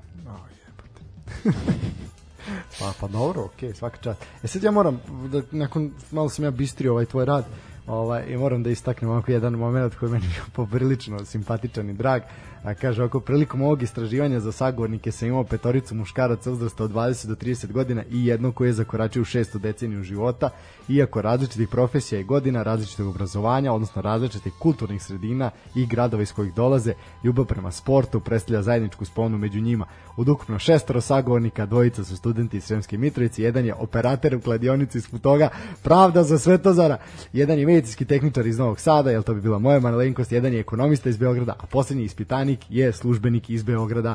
Sportski pozdrav učestvuje, dragi moji, u istraživanjima naučnim, nema šta, znači ne svuda, na svim smo kulturnim, aktualnim kulturnim dešavanjima, sad počinjemo i taj ovaj naučno istraživački ži, život, znači zaista ovaj Ma to je to, nema Ti šta, uspevamo u i, životu. i u politiku, vi- video sam danas kad si, kad si došao u nekoj majici. Da, da, pa nema šta, pa mora se, vidi, na sve strane smo Vidi, ja prisutni. sam, ja, sam, ja sam zagovornik toga da, mislim, ra, jedan razloga zašto sam uzeo politiku i sport, zagovornik sam toga da se politika u sve meša i to sam napisao na početku rada. Za- konkretno, da, za, za sport, gde me toliko nervira kada ovi e, sportski komentatori koriste te floskule ne treba mešati sport i politiku, a toliko su e, toliko se mešaju uz, u, u, Ne da se mešaju, nego jednostavno su srasli ne, zajedno. mislim, ne može, ne nas, može, da. ne može da se izostavlja, često se izostavlja iz te neke politi, zbog te neke političke korektnosti, ali smatram da politiku, kako u sportu, tako i drugim nekim sociodruštvenim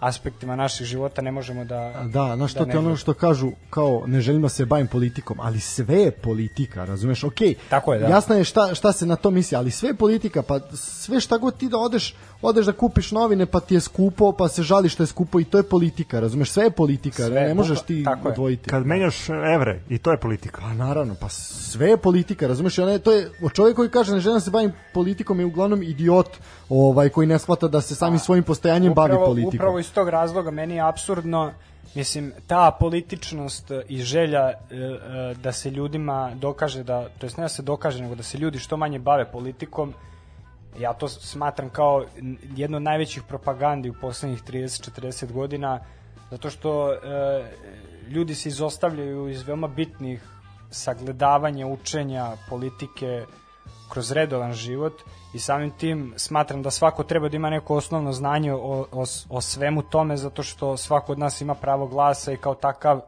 svako treba da, da zna nešto o tome. Ne mislim svi imamo pravo glasa niko ništa ne zna konkretno i onda mislim Pa da ljudi su se stotinama godina borili da dođu do do, glasa. prava glasa, mislim i žene i pogotovo ono ako se uzme obzir da su u Švajcarskoj tek 70. godina dobile pravo glasa, ovaj i onda sada dođe i a, naš to me ne zanima, idem da uradim nokte, pa idem na Jolly Rogera. pa ne ne Ovaj. samo žene mislim s- A ne, ali eto svi- to je primer kao neko ko je A, kao Dobro, grupa koja je bila ako, ako marginalizovana. pogledamo naše podneblje gde se mi nalazimo, e, i izbori su doveli do toga da ljudi postanu pasivni. To je to je to je svako tačno to je ovaj drugi deo rada što sam počeo sa Da, e, 90 ajmo sad, ajmo sad tu pa krećemo, znači, znači rekli smo da je zaokret bio svakako... Ula, ulazimo u turbulentan Da, da, period da. raspada Pa, Jugoslavije. Tako je, tako je. Mislim, e, često se taj, e, e, prvo moram da se, jednu digresiju, a, često se raspad Jugoslavije, ratovi ovde kod nas, prvenstveno od strane neoliberalnih političara, predstavlja kao nešto samo specifično za naše prostore, što naravno nije slučaj i raspad Jugoslavije kao i ratovi koji su m, u neku ruku i neminovnost predstavljali u etnički nečistim e, zemljama gde, se, gde su e, znamo ko i u kolikoj meri podržavali uglavnom desničarske ideologije koje su za, upravo e, osnov, osnova njihove politike bile etnički čiste zemlje je dovela do krvoprolića, ali mislim, a malo je absurdno pričati o uh, seljacima s Balkana, jer je u tom, veri, u tom istom periodu uh, Irska oslobodilačka Da, da. vojska uh, je ratovala za nezavisnost uh, uh, Severne Irske i ujedinjenje Irske kao ostrva i samim tim absurdno je da se ta zapadna floskula prenosi i da se pojam balkan, balkanizma ili balkanizacije u nekom negativnom kontekstu koristi jer, jer, jer absurdno je to se e, Srbija i prostor bivše Jugoslavije predstavlja samo jedan od a, a, primjera koji su se koji su bili neminovni na ovaj ili na onaj način da se dogode samim promenima političkih sistema i u, i svemu što ide uz to. Tako da ne treba izolovati Srbiju od tih događaja. To sam pisao u jednom radu za navijače, gde se često kod nas navijači posmatraju ovakvi onakvi. Huliganizam je došao iz Engleske, znači u Engle, pojam huliganizma se javi u Engleskoj i ne predstavlja fenomen koji dolazi da, iz Balkana, iako se hul često... i gang, odnosno ulične bande. Tako je, iako se često predstavlja kao Da. i tako da, da. Ovaj rekli smo da je tako, pa da, da, da, da, da, da. Što bi rekao Tozar, pa Ne ne, znam. Ovaj e, u fazonu e, idemo znači za zaokret je svakako bio rekli smo 45. kada je taj sport e, pa i onaj ovaj najelitniji, ali ovaj nižerazredni bio bio takav znači da se on e, Sport je, sport, izvini što te prekidam, sport je, znači pre rata je bio politik. Ne, ne, ne mislio sam nešto, nešto drugo. Ne samo, nisam to samo, nego je e, zapravo politika i nova vlast je e, klubove dodelila narodu, dodelila gradovima, stadione dodelila gradovima, a svaka fabrika je imala ili uopšte preduzeće je imalo ovaj zadatak da ima svoju sportsku sekciju i onda ste imali ozbiljne regionalne centre koji su imale ozbiljni predstavnike, ozbiljne klubove koji su mislim- živeli od toga. Znači, to je bio sistem koji je bio održiv u, u takvom u državnom uređenju, ovaj, ali smo imali to što si ti rekao, znači da je politika bila usko vezana. Znači, u svakom klubu je, pored toga što je direktor fabrike se pitao nešto, pitao se i partijski činovnik. Znači, Tako u je. svakom klubu, i ne samo, znači, kad idemo od najnižih liga do ovih naj, je, je, znači, je, uvek su... to je jugoslovenski market socijalizam, ali i pored toga, ovaj, kako se zove, a, nacionalizacija prirodnih resursa a, predstavlja osnovu uspeha države. E, zašto to sad govorim? Zbog ovog puča u Gvineji, nacionalni resursi, ako se ne raspodeljuju uh, stranom Ravnomerno. kapitalu, treba da se iskoriste. Mislim, zbog čega su jugoslovenski klubovi bili tako uspešni u Evropi? Nisu bili uspešni zato što su futbaleri jugoslovenski tad bili bolji nego ovi da. današnji, nego zato što niko nije pre 27. godine mogao da napusti Jugoslaviju. Tako je. Znači, Igrali su u nacional- Zenitu, su bio, bio je drugačiji model a, poslovanja A svakog da, ali to je, kluba. to je, to je koncept čuvanja nečeg nacionalnog. Znači, ja, raspora, ja raspolažem litijumom u Loznici, ja se pitam, ne da se pita neko iz Engleske iz ove. Znači, ja se pitam, strani kapital može da uđe, ali u meri da, se, da sam ja tu glavni. Ali evo sad da napravimo tu paralelu. Eto, ranije je bilo da to do te 28. godine nije mogao igrač da, da napusti prostore uh, matične zemlje. I imaš danas gde deca odlaze sa 16, 17, 18 godina. Tako je. Uh, imamo taj model koji eto, nije više primenljiv, odnosno više ti giganti industrijski ne stoje iza futbalskih, rukometnih, košarkaških ne klubova. stoje zato što nemaju obavezu da stoje. Tad su imali obavezu da stoje. Naravno, mislim, Dobro, ali čekaj samo, pusti me da, da, da završim. I sad imaš to da, da, da si prepušten sam sebi i je danas tebi jedina varijanta da, da, da uspeš u toj tržišnoj utakmici koju ti sam sistem neoliberalni ovaj, nameće, je da prodaš taj tvoj poluproizvod, jer je danas mnogo lakše da, da dođeš do novaca upravo tako. Da, znači, tako je, da. imamo tu situaciju vezanu za, za zvezdu, da da su, lakše? prodali, da su prodali ovu braću Ilić, mislim da momci nisu odigrali ni jedan minut za, za Crvenu zvezdu. Imamo Partizan koji je prodao Nastasića, o tome se pričalo više, više puta. Imamo Vojvodinu i sa tim uh, Danielom Aleksićem koji je projektovan da bude uh, jedan od uzdanica i budućih legendi kluba koji je to odigrao samo jednu sezonu i otišao dalje. Tako je. Uh, jednostavno uh, sve stvar, kao što se već napomenuo, politike i kako politika gleda na sport. Uh, mi imamo taj tu sreću ili nesreću, kako god da, da okrenete, da nam danas klubovi još uvek nisu privatizovani. Neki bi rekli da je to sreća, neki da je, da je nesreća, ali jednostavno u toj tržišnoj utakmici koju mi igramo sa drugim državama kada izađemo u Evropu, mi to izgleda ne možemo da dobijemo. Ili ako dobijemo, dobijemo na, na baš Zato na, na pomoć države. Eto. ali ovaj kako se zove um, šta sam se teo da kažem. Zato i nisu, ja ću samo da odgovorim Stefanu dok ti smisliš. Ovaj zato i nisu privatizovani. Jer mi nemamo proizvod koji možemo da prodamo na takav način kao što to mogu drugi, da od toga možemo da živimo. Zato je najuspešniji period ovde bio upravo tada kad su e, znači giganti industrijski morali imali obavezu da e, finansiraju i da jedan deo ovaj usmere ka, ka sportskim kolektivima, zato ste imali uspehe. Razumeš, to je to, to je to što si ti Živane rekao. Da, da, ali ne mora nužno neko, neki kolektiv, samo za, to nije ništa kao, samo zadržavaš uh, uh, svoje, kao, kao što bi zadržali rudnike, rude ne znam čega, i mi bili ti koji prodajemo to, mi bili ti koji vladamo tim i koji imamo... Dobro, ali ako uzmemo taj primer da ti svake godine, na primer, evo uzmemo, da ti projektuješ dva igrača za prvi tim i ti u intervalu od 10 godina imaš tako nagomilan kvalitet da uh, samim tim podižeš i kvalitet kluba, a i kvalitet uh, lige koju igraš. Ako hoćeš da... Ali ne možeš ti da za- kako ne shvataš, ovaj to je sve super, ali to to se u ovakvom ti sistemu ka- tržištom neće desiti Pa, nikada. pa neće, ali ti pričam za to kakav je bio koncept. ne može, može koncept da bude ti si, kakav ti si imao, hoćeš, na primjer, ali- da ti, da ti, da ti neka, neki futbaler bude 10 godina u klubu. Ali bio je zato što nije mogo da ode. Da, ali ti kažem, znači, bio je u klubu i stvarao je ime. Imaš sad, na primjer, Mesija. Messi je došao u Barcelonu, koliko je godina u ne možeš Barceloni. porediti. Ne možeš porediti. Pa ne možeš da drugo. porediš, ali ti dajem, pa ni, ne možeš da porediš zato što je drugačije vreme. Nikako ne možeš da porediš. Pa Ali ne možeš dajem davati sam- onda primjer ako je Ali drugačije. dajem vreme. primjer samo kakav je bio. Pa nije, znači, pa, Pa ali praviš digresiju, praviš digresiju time Pa ne. jer upoređuješ šta je kako bilo. Pa da, ali ovaj poenta ovde što je Pritom što i taj Messi mogu da ode verovatno neki klub da je bio neko koji mogu da, sprem, da bude spreman da, da da ogromnu lovu da ga, da ga ovaj, odvuče iz Barcelone. Pa dobro da, to je sad to je drugi drugi drugi opet je drugi je tržišni sistem bio ovaj tada i ovo što je sada bilo. Znači ja mislim da mi naši klubovi nemaju mogućnost da se u ovakvom sistemu, znači kada bi bili deo koje kakvih konzorcijuma ili Akcionarskih društava ili tako nešto. čega god, ovaj oni ne mogu, oni gube svaku trku u startu, svi.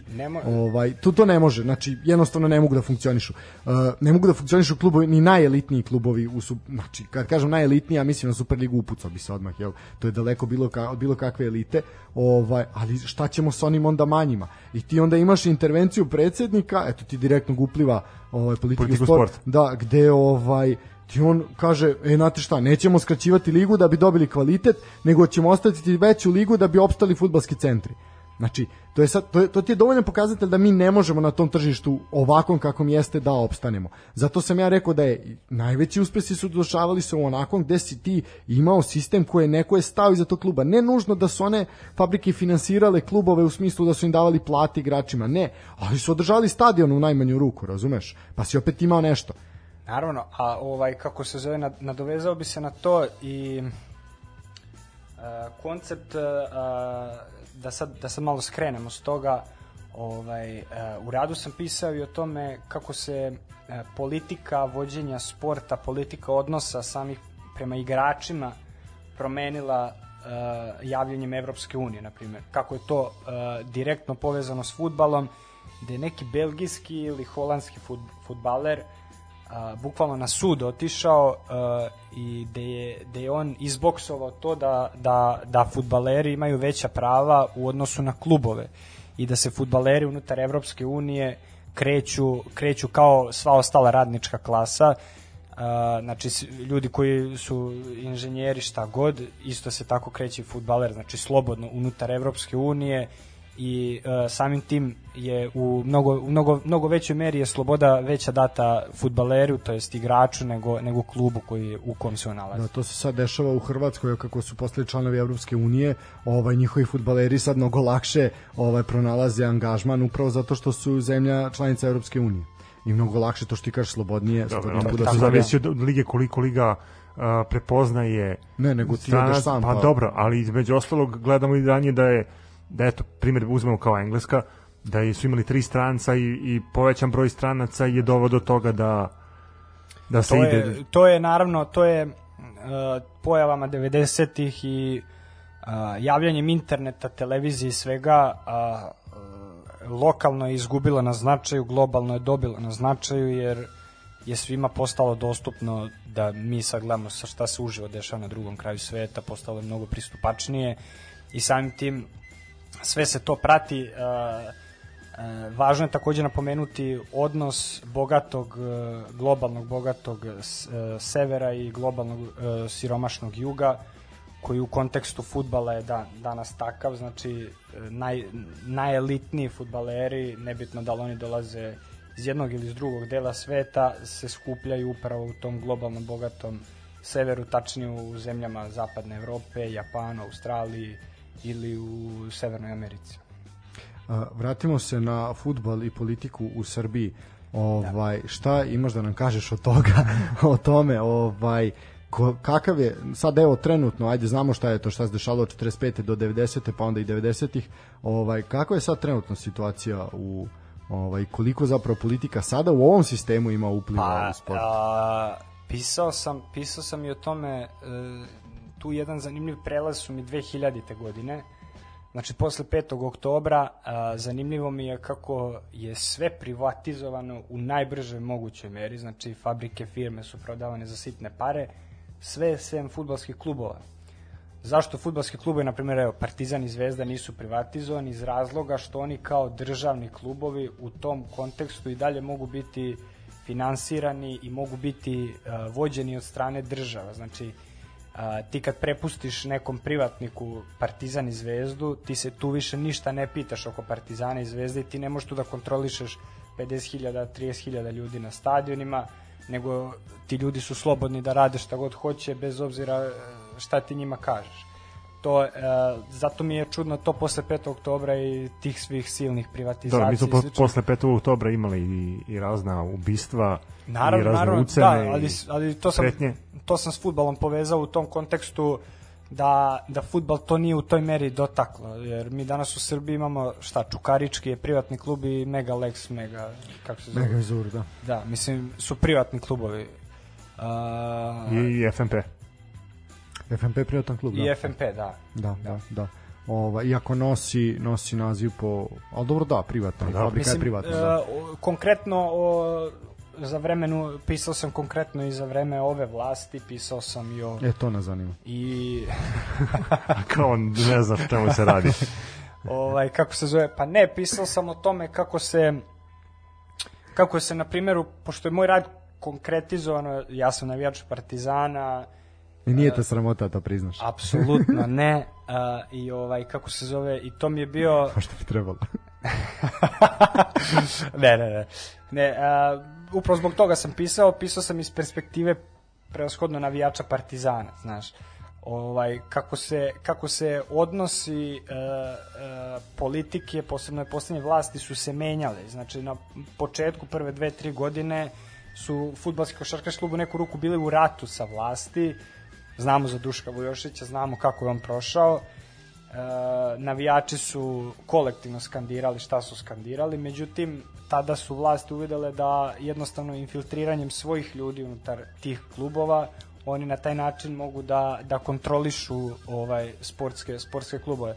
Jedan od ispitanika mi je rekao, baš sam pitao ovaj za razliku između košarkaškog i fudbalskog koja je koja je razlika na primjer kao najvećih kao naj, najpopularnijih klubova iz sportskog društva e, košarkaškog fudbalskog kluba on mi je rekao da je da je fudbalski klub da je košarkaški klub mnogo veći rob da je i fudbalski klub rob ali da ipak ima nešto svoje Čekaj, to pričaš sad iz, iz ovog današnje tako perspektive. je, tako je, da, da, da. Tako da e, to sam analizirao u tom kontekstu da da se desio taj prelomni period gde su vlasti uvidele da može se kontrolisati kako kroz upliv svojih ljudi u vrhove tih sportskih klubova, tako i na tribine koje su Mene zanima, morate postaviti jedno pitanje. A, Da li si se bazirao na taj model jedan klub, jedna država ili si razmišljao i o, A, i ne, o tome da da a, proširiš? Jesam, a, pisao sam o tome kako um, pisao sam o velikoj ulozi koju predsednik naše države igra u, u, u sportu u Srbiji, prvenstveno iz toga što sport se dok on nije došao na vlast nije se toliko pridavalo, ja imam osjećaj da se nije toliko pridavalo važnost sportu zato što on se čovjek u sve razume, znači od badmintona, vaterpola, tenisa, svega, znači konstantno on šutira penale. Intelektualac, šta ti Intele- kažem? Pa dobro, igra je basket. Boris Tadić Pa ne, jeste, da, da, na Marakaninu, ali uh, nekako konstantno se govori o tome kako on pomaže klubove. Konstantno je sport, sport za vreme naročito ove vlasti, bilo je i za ranije naravno, ali naročito za vreme ove je dobio neku tu mnogo značajniju društveno-političku ulogu u društvu. I naravno da se to odrazilo najviše prvenstveno na Crvenu zvezdu, ali ja kao navijač Partizana nisam išao sad s tim stavom sve pare zvezdi, ništa Partizanu. Partizan je isto dobijao, kad bi tako gledali, isto je Partizan dobio mnogo više od klubova koji su ispod Partizana. Znači, interesne grupe Dobro, se mislim tu... da smo, da smo za vreme a, vlasti demokratske stranke imali taj model po uspešnosti se tako finansirao a, sport. Znači, klubovi koji zauzmu, ne znam, prvo, drugo, treće mesto, dobili su više para od ovih koji za- zauzmu To je peto, šesto. normalno. da. Pa jeste normalno u neku ruku, ali meni, na primer, podela novca koje je sad Ling Long kao uh, sponsor što je dao za um, u stvari televizijska prava, uh, nije mi logično koji je razlog da ako su svi klubovi jednaki da Partizan i Zvezda dobiju po 850.000 evra, a svi ostali po 250.000 Ali Ali imali- nisu, ne prenose, to ti ide po broj prenosa. Ne prenose ti ne prenose ti isto napredak iz Kruševca i Partizan, mislim, ne, ne možeš porediti. To je, ali to je, to je jedan od razloga zašto nikad treći klub u Srbiji ništa neće osvojiti sem Naravno, eventualno da, kupa. jasno. Ja sam, ja sam naravno pisao o tome ko se najmaksimalnije favorizuje u zemlji, ali sam pisao isto i o tome kako Partizan nije klub koji, e, koji se e, e, koji ovaj kako se zove koji se isto tako ne zavisi od te pomoći koji se finansira isto na taj način samo u mnogo manje meri. Ja bi se malo okrenuo i na tu lokalnu priču koju imamo. Eto, mi smo imali situaciju da je a, grad Pančevo nije hteo da, da sponzoriše svoj futbolski klub, da Kosjerić, Kosjerić, od Crnokosa iz Cvjetanić, Kosjerića koja je igrala prvu a, mušku ligu, da nisu dobili pomoć, odnosno a, Odbili su odbili pomoć, su pomoć a, u vidu dresova za, za mlađe selekcije.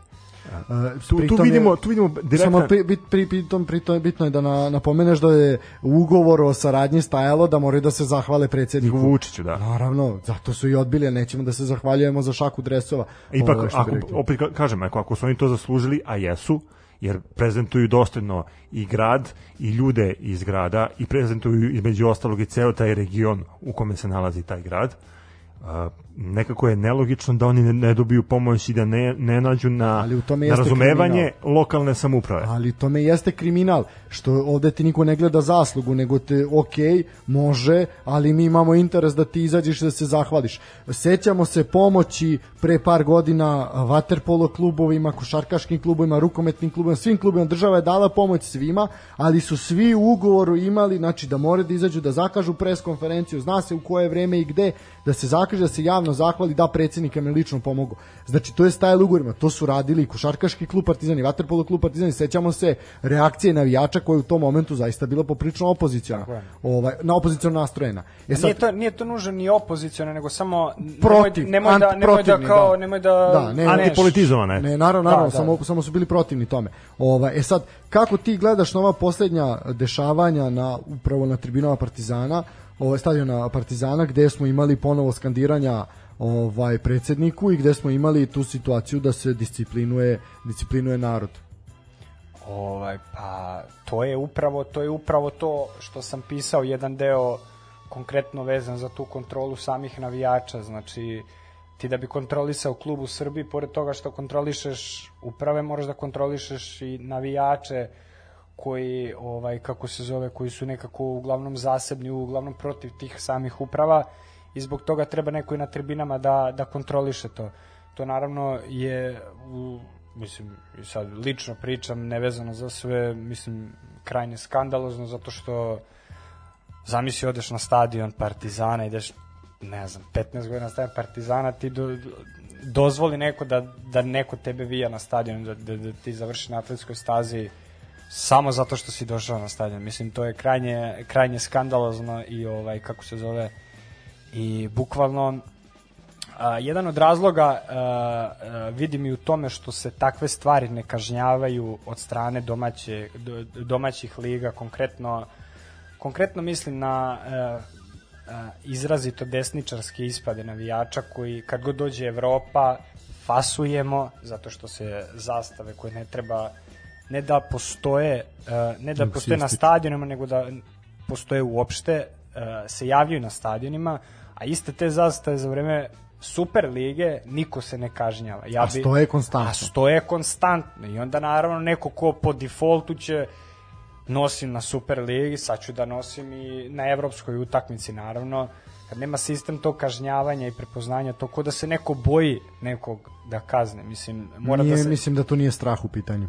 Nije strah, jednostavno i, i sama ta nezainteresovanost, nemaš želju da, da rešiš taj problem u startu e, i posle se bunimo, ljutimo što nas e, generalizuju, što nas stavljaju sve u isti koš kad milion grešaka se dozvoljava prvenstveno, ali to nije greška samo futbalskog saveza, to je greška javnosti koja ne priča o tome, znači e, Obrazovnog sistema, bukvalno da. obraz, obrazno, ne, dobro tek to, ali javnosti koja e, ne kaže da se takve zastave, na primjer, ili takva skandiranja šta god, javljaju na stadionima Superlige, nego samo kad je, e, su evropske utakmice. Mislim, Ali to ti je zato što ne postoji fokus e, pažnje na Superligi, razumeš, to je takmičenje koje nikog ne zanima, mislim osim nas ovako par. Ovaj, ti imaš da to RTS ti u glavnim vestima na drugom dnevniku promaši rezultat domaće lige, mislim to bi na bilo na BBC-u bi dobili otkaz da su to uradili, mislim ovaj, ali to kod nas znaš, zato što to nikog živog ne zanima i onda je potpuno nebitno da li je Proletar pobedio sa 2-1 ili je bilo 1-1, mislim, znaš. Naravno, Isto naravno. tako niko ne gleda tu domaću ligu osim ispadne u fokus po vestima kad se napravi neki skandal ili nešto tad ono nameštanje Da, da, da. ili nešto tad je tad je fokus. Uh, poslednje pitanje za kraj, ovaj pošto moramo uskoro da završamo, kako gledaš na to upravo upravo to mešanje politike da aktuelna vlast pokušava da zapuši apsolutno svaku poru, ovaj pa smo imali to vijanje vijanje na stadionu i kako to komentarišeš? Znači kontroliše se apsolutno sve, svaka navijačka grupa, podgrupa, utišava se ton uh, kad se pokrene nešto što ne sme da se čuje. Kako bi to karakterisao? Pa kao nekom vrstom monopola koji ne rešava ništa, e, ja ne bi ništa, ja ne bi imao protiv da se taj monopol odnosi na loše stvari kao što su to nošenje zastava, skandiranje i slično, da se to sistematski rešava, ali ovaj kako se zove to za medije, za utišavanje, to sam isto jedan specijalan deo rada sam posvetio i tome i samom a, a, tom državnom podelom na Telekom i na Union grupu koja se e, koja, koja je podelila ceo televizijski e, i sportsko-televizijski svet u Srbiji da neko i pojedinac navijač Partizana ili Zvezde e, ne može da gleda sve utakmice svog kluba sa jednim TV pretplatnikom, već mora da ima dva. Ovaj, sa, I sami ti sukobi da jedni utišavaju ton, drugi ne utišavaju, govori o, upravo o toj vezi politike koja, koja je nesumnjivo prisutna i u samim tim televizijskim agencijama koje, koje znaju da li treba da utišaju ton ili ne treba da utišaju ton. Znači auto. Na vezu za, za uređivačku politiku. Same pa medijske kuće. autocenzura, Pa da. autocenzura, Autocenzura, da. boje se, boje se šta bi moglo da bude, boje se represije i onda to rade. Uh, ništa, mi moramo polako da polako da završamo. Ova tema je preobimna, ovaj da bi se stavila u sat vremena ili u dva. Ovaj tako da će Živan morati da dođe ovaj još par puta da ovo E, izistrimo sigurno, da. sigurno ovaj Pr prvo da odbrani tamo gde treba, pa onda... Tako je, tako je, da, da. da. ovaj ali mislim da mislim ako te budu slušali ovaj mentori to će svakako biti Naravno, pa ne, ima bukvalno još, e, pa to što kažeš, bukvalno još tri sata možemo pričati o svakoj pori, što sam samo ja tu spomenuo, ima još stvari koje sam verovatno i zaboravio, što bi nam, da, da pričamo o tome se setili, tako da, Što bi to rekao, nemoj lebati. Nema da, Da. ovaj tako da hvala ti što si bio, ovaj svakako se radujemo da nam dođeš opet. Ovaj Živan je jedan od naših fanova od početka. Ovaj i mi smo to eto prepoznali i znali da cenimo pa smo ga i doveli, doveli u emisiju i zato je O, kao o, srećan i radostan. u jubilarnom 43. izdanju. tako je. Ne, Ovaj, ja bi se ja bi se samo prvo pre nego što javite zahvalio vama i ovaj kako se zove što pratite sport koji ni mi ne pratimo sem onih klubova za koje navijamo i što ste zamenili Buvamaru sa SOS-a koju smo te niže lige, ne znam da li se sećate to e, kako se zvao onaj čovjek što je vodio Mislim, Loki. Loki. Loki, da, da. Uspeli ste, uspeli ste da, da napravite taj prelaz i da, i da nekako održite tu in, interes za našu ligu i kod nas koji je ne pratimo toliko, ali nam vi pomognete da, da ispratimo sve. Tako da hvala i vama, da. Da, ovaj, aj sad bude ti meni Serdar, ja tebi Vojvodo, ovaj, tvoj rad je poprično zaista bez vezanja zanimljiv i ovaj, svakako onako ima tu šta da se pročita i kada završiš sve ovu priču oko ovaj odbrane rada i svega može to da se onako negde i objavi ovaj biće to poprilično zanimljivo štivo i mislim da će onako ko bude čitao podstaknuće ga da neke druge generacije mlađe koje budu nadolazile ovaj se malo bave bave tom tematikom jer zaista je jedna opširna opširna tema koja Ja se slažem sa Stanislavom, Bode- ako, ako bode bude svuda. trebala neka protekcija, kurir, informer, objektiv, tu smo da pomognemo. pošto, pošto verujem da u drugim medijima verovatno i, i ne bi imao toliki odjek. Ne, ali vidi, zauzeo sam ja neutralan stav vlasti i opozicije, kritikovao sam i jedne i druge, naravno više, mislim, Evo stigla je Živan je do sada na, najomiljeniji gost, ovaj evo od svih najviše se se svidao svi od svih ovih koji su bili. to vidi. Da, a nije posle niko ko te poznaje, tako da je to pa ne znam, ja ti si siguran ti to da nije možda, ne znam, da nije Toza, Toza ja imamo jedan, jedan specifičan odnos, tako da, a da, a delimo kokice na, na, ist, na, na istoku stadiona JNA. Hvala ti što si bio i nadamo svakako ćemo se družiti, družiti ponovo, ovaj, imamo o čemu da pričamo, sad imamo eto, pored futbolskog sudije, znači analize suđenja, ovaj, analize manjih sportova, sad imamo jednog društveno-političkog analitičara u sklopu ovaj, ekipe sportskog pozdrava, tako da naše snage jačaju svakim novim Svakim danom. novim danom, tako je. To bi bilo to za večeras. E, Poštovani slušalci, hvala vam na izvojenom vremenu. Do sledećeg slušanja, sportski pozdrav.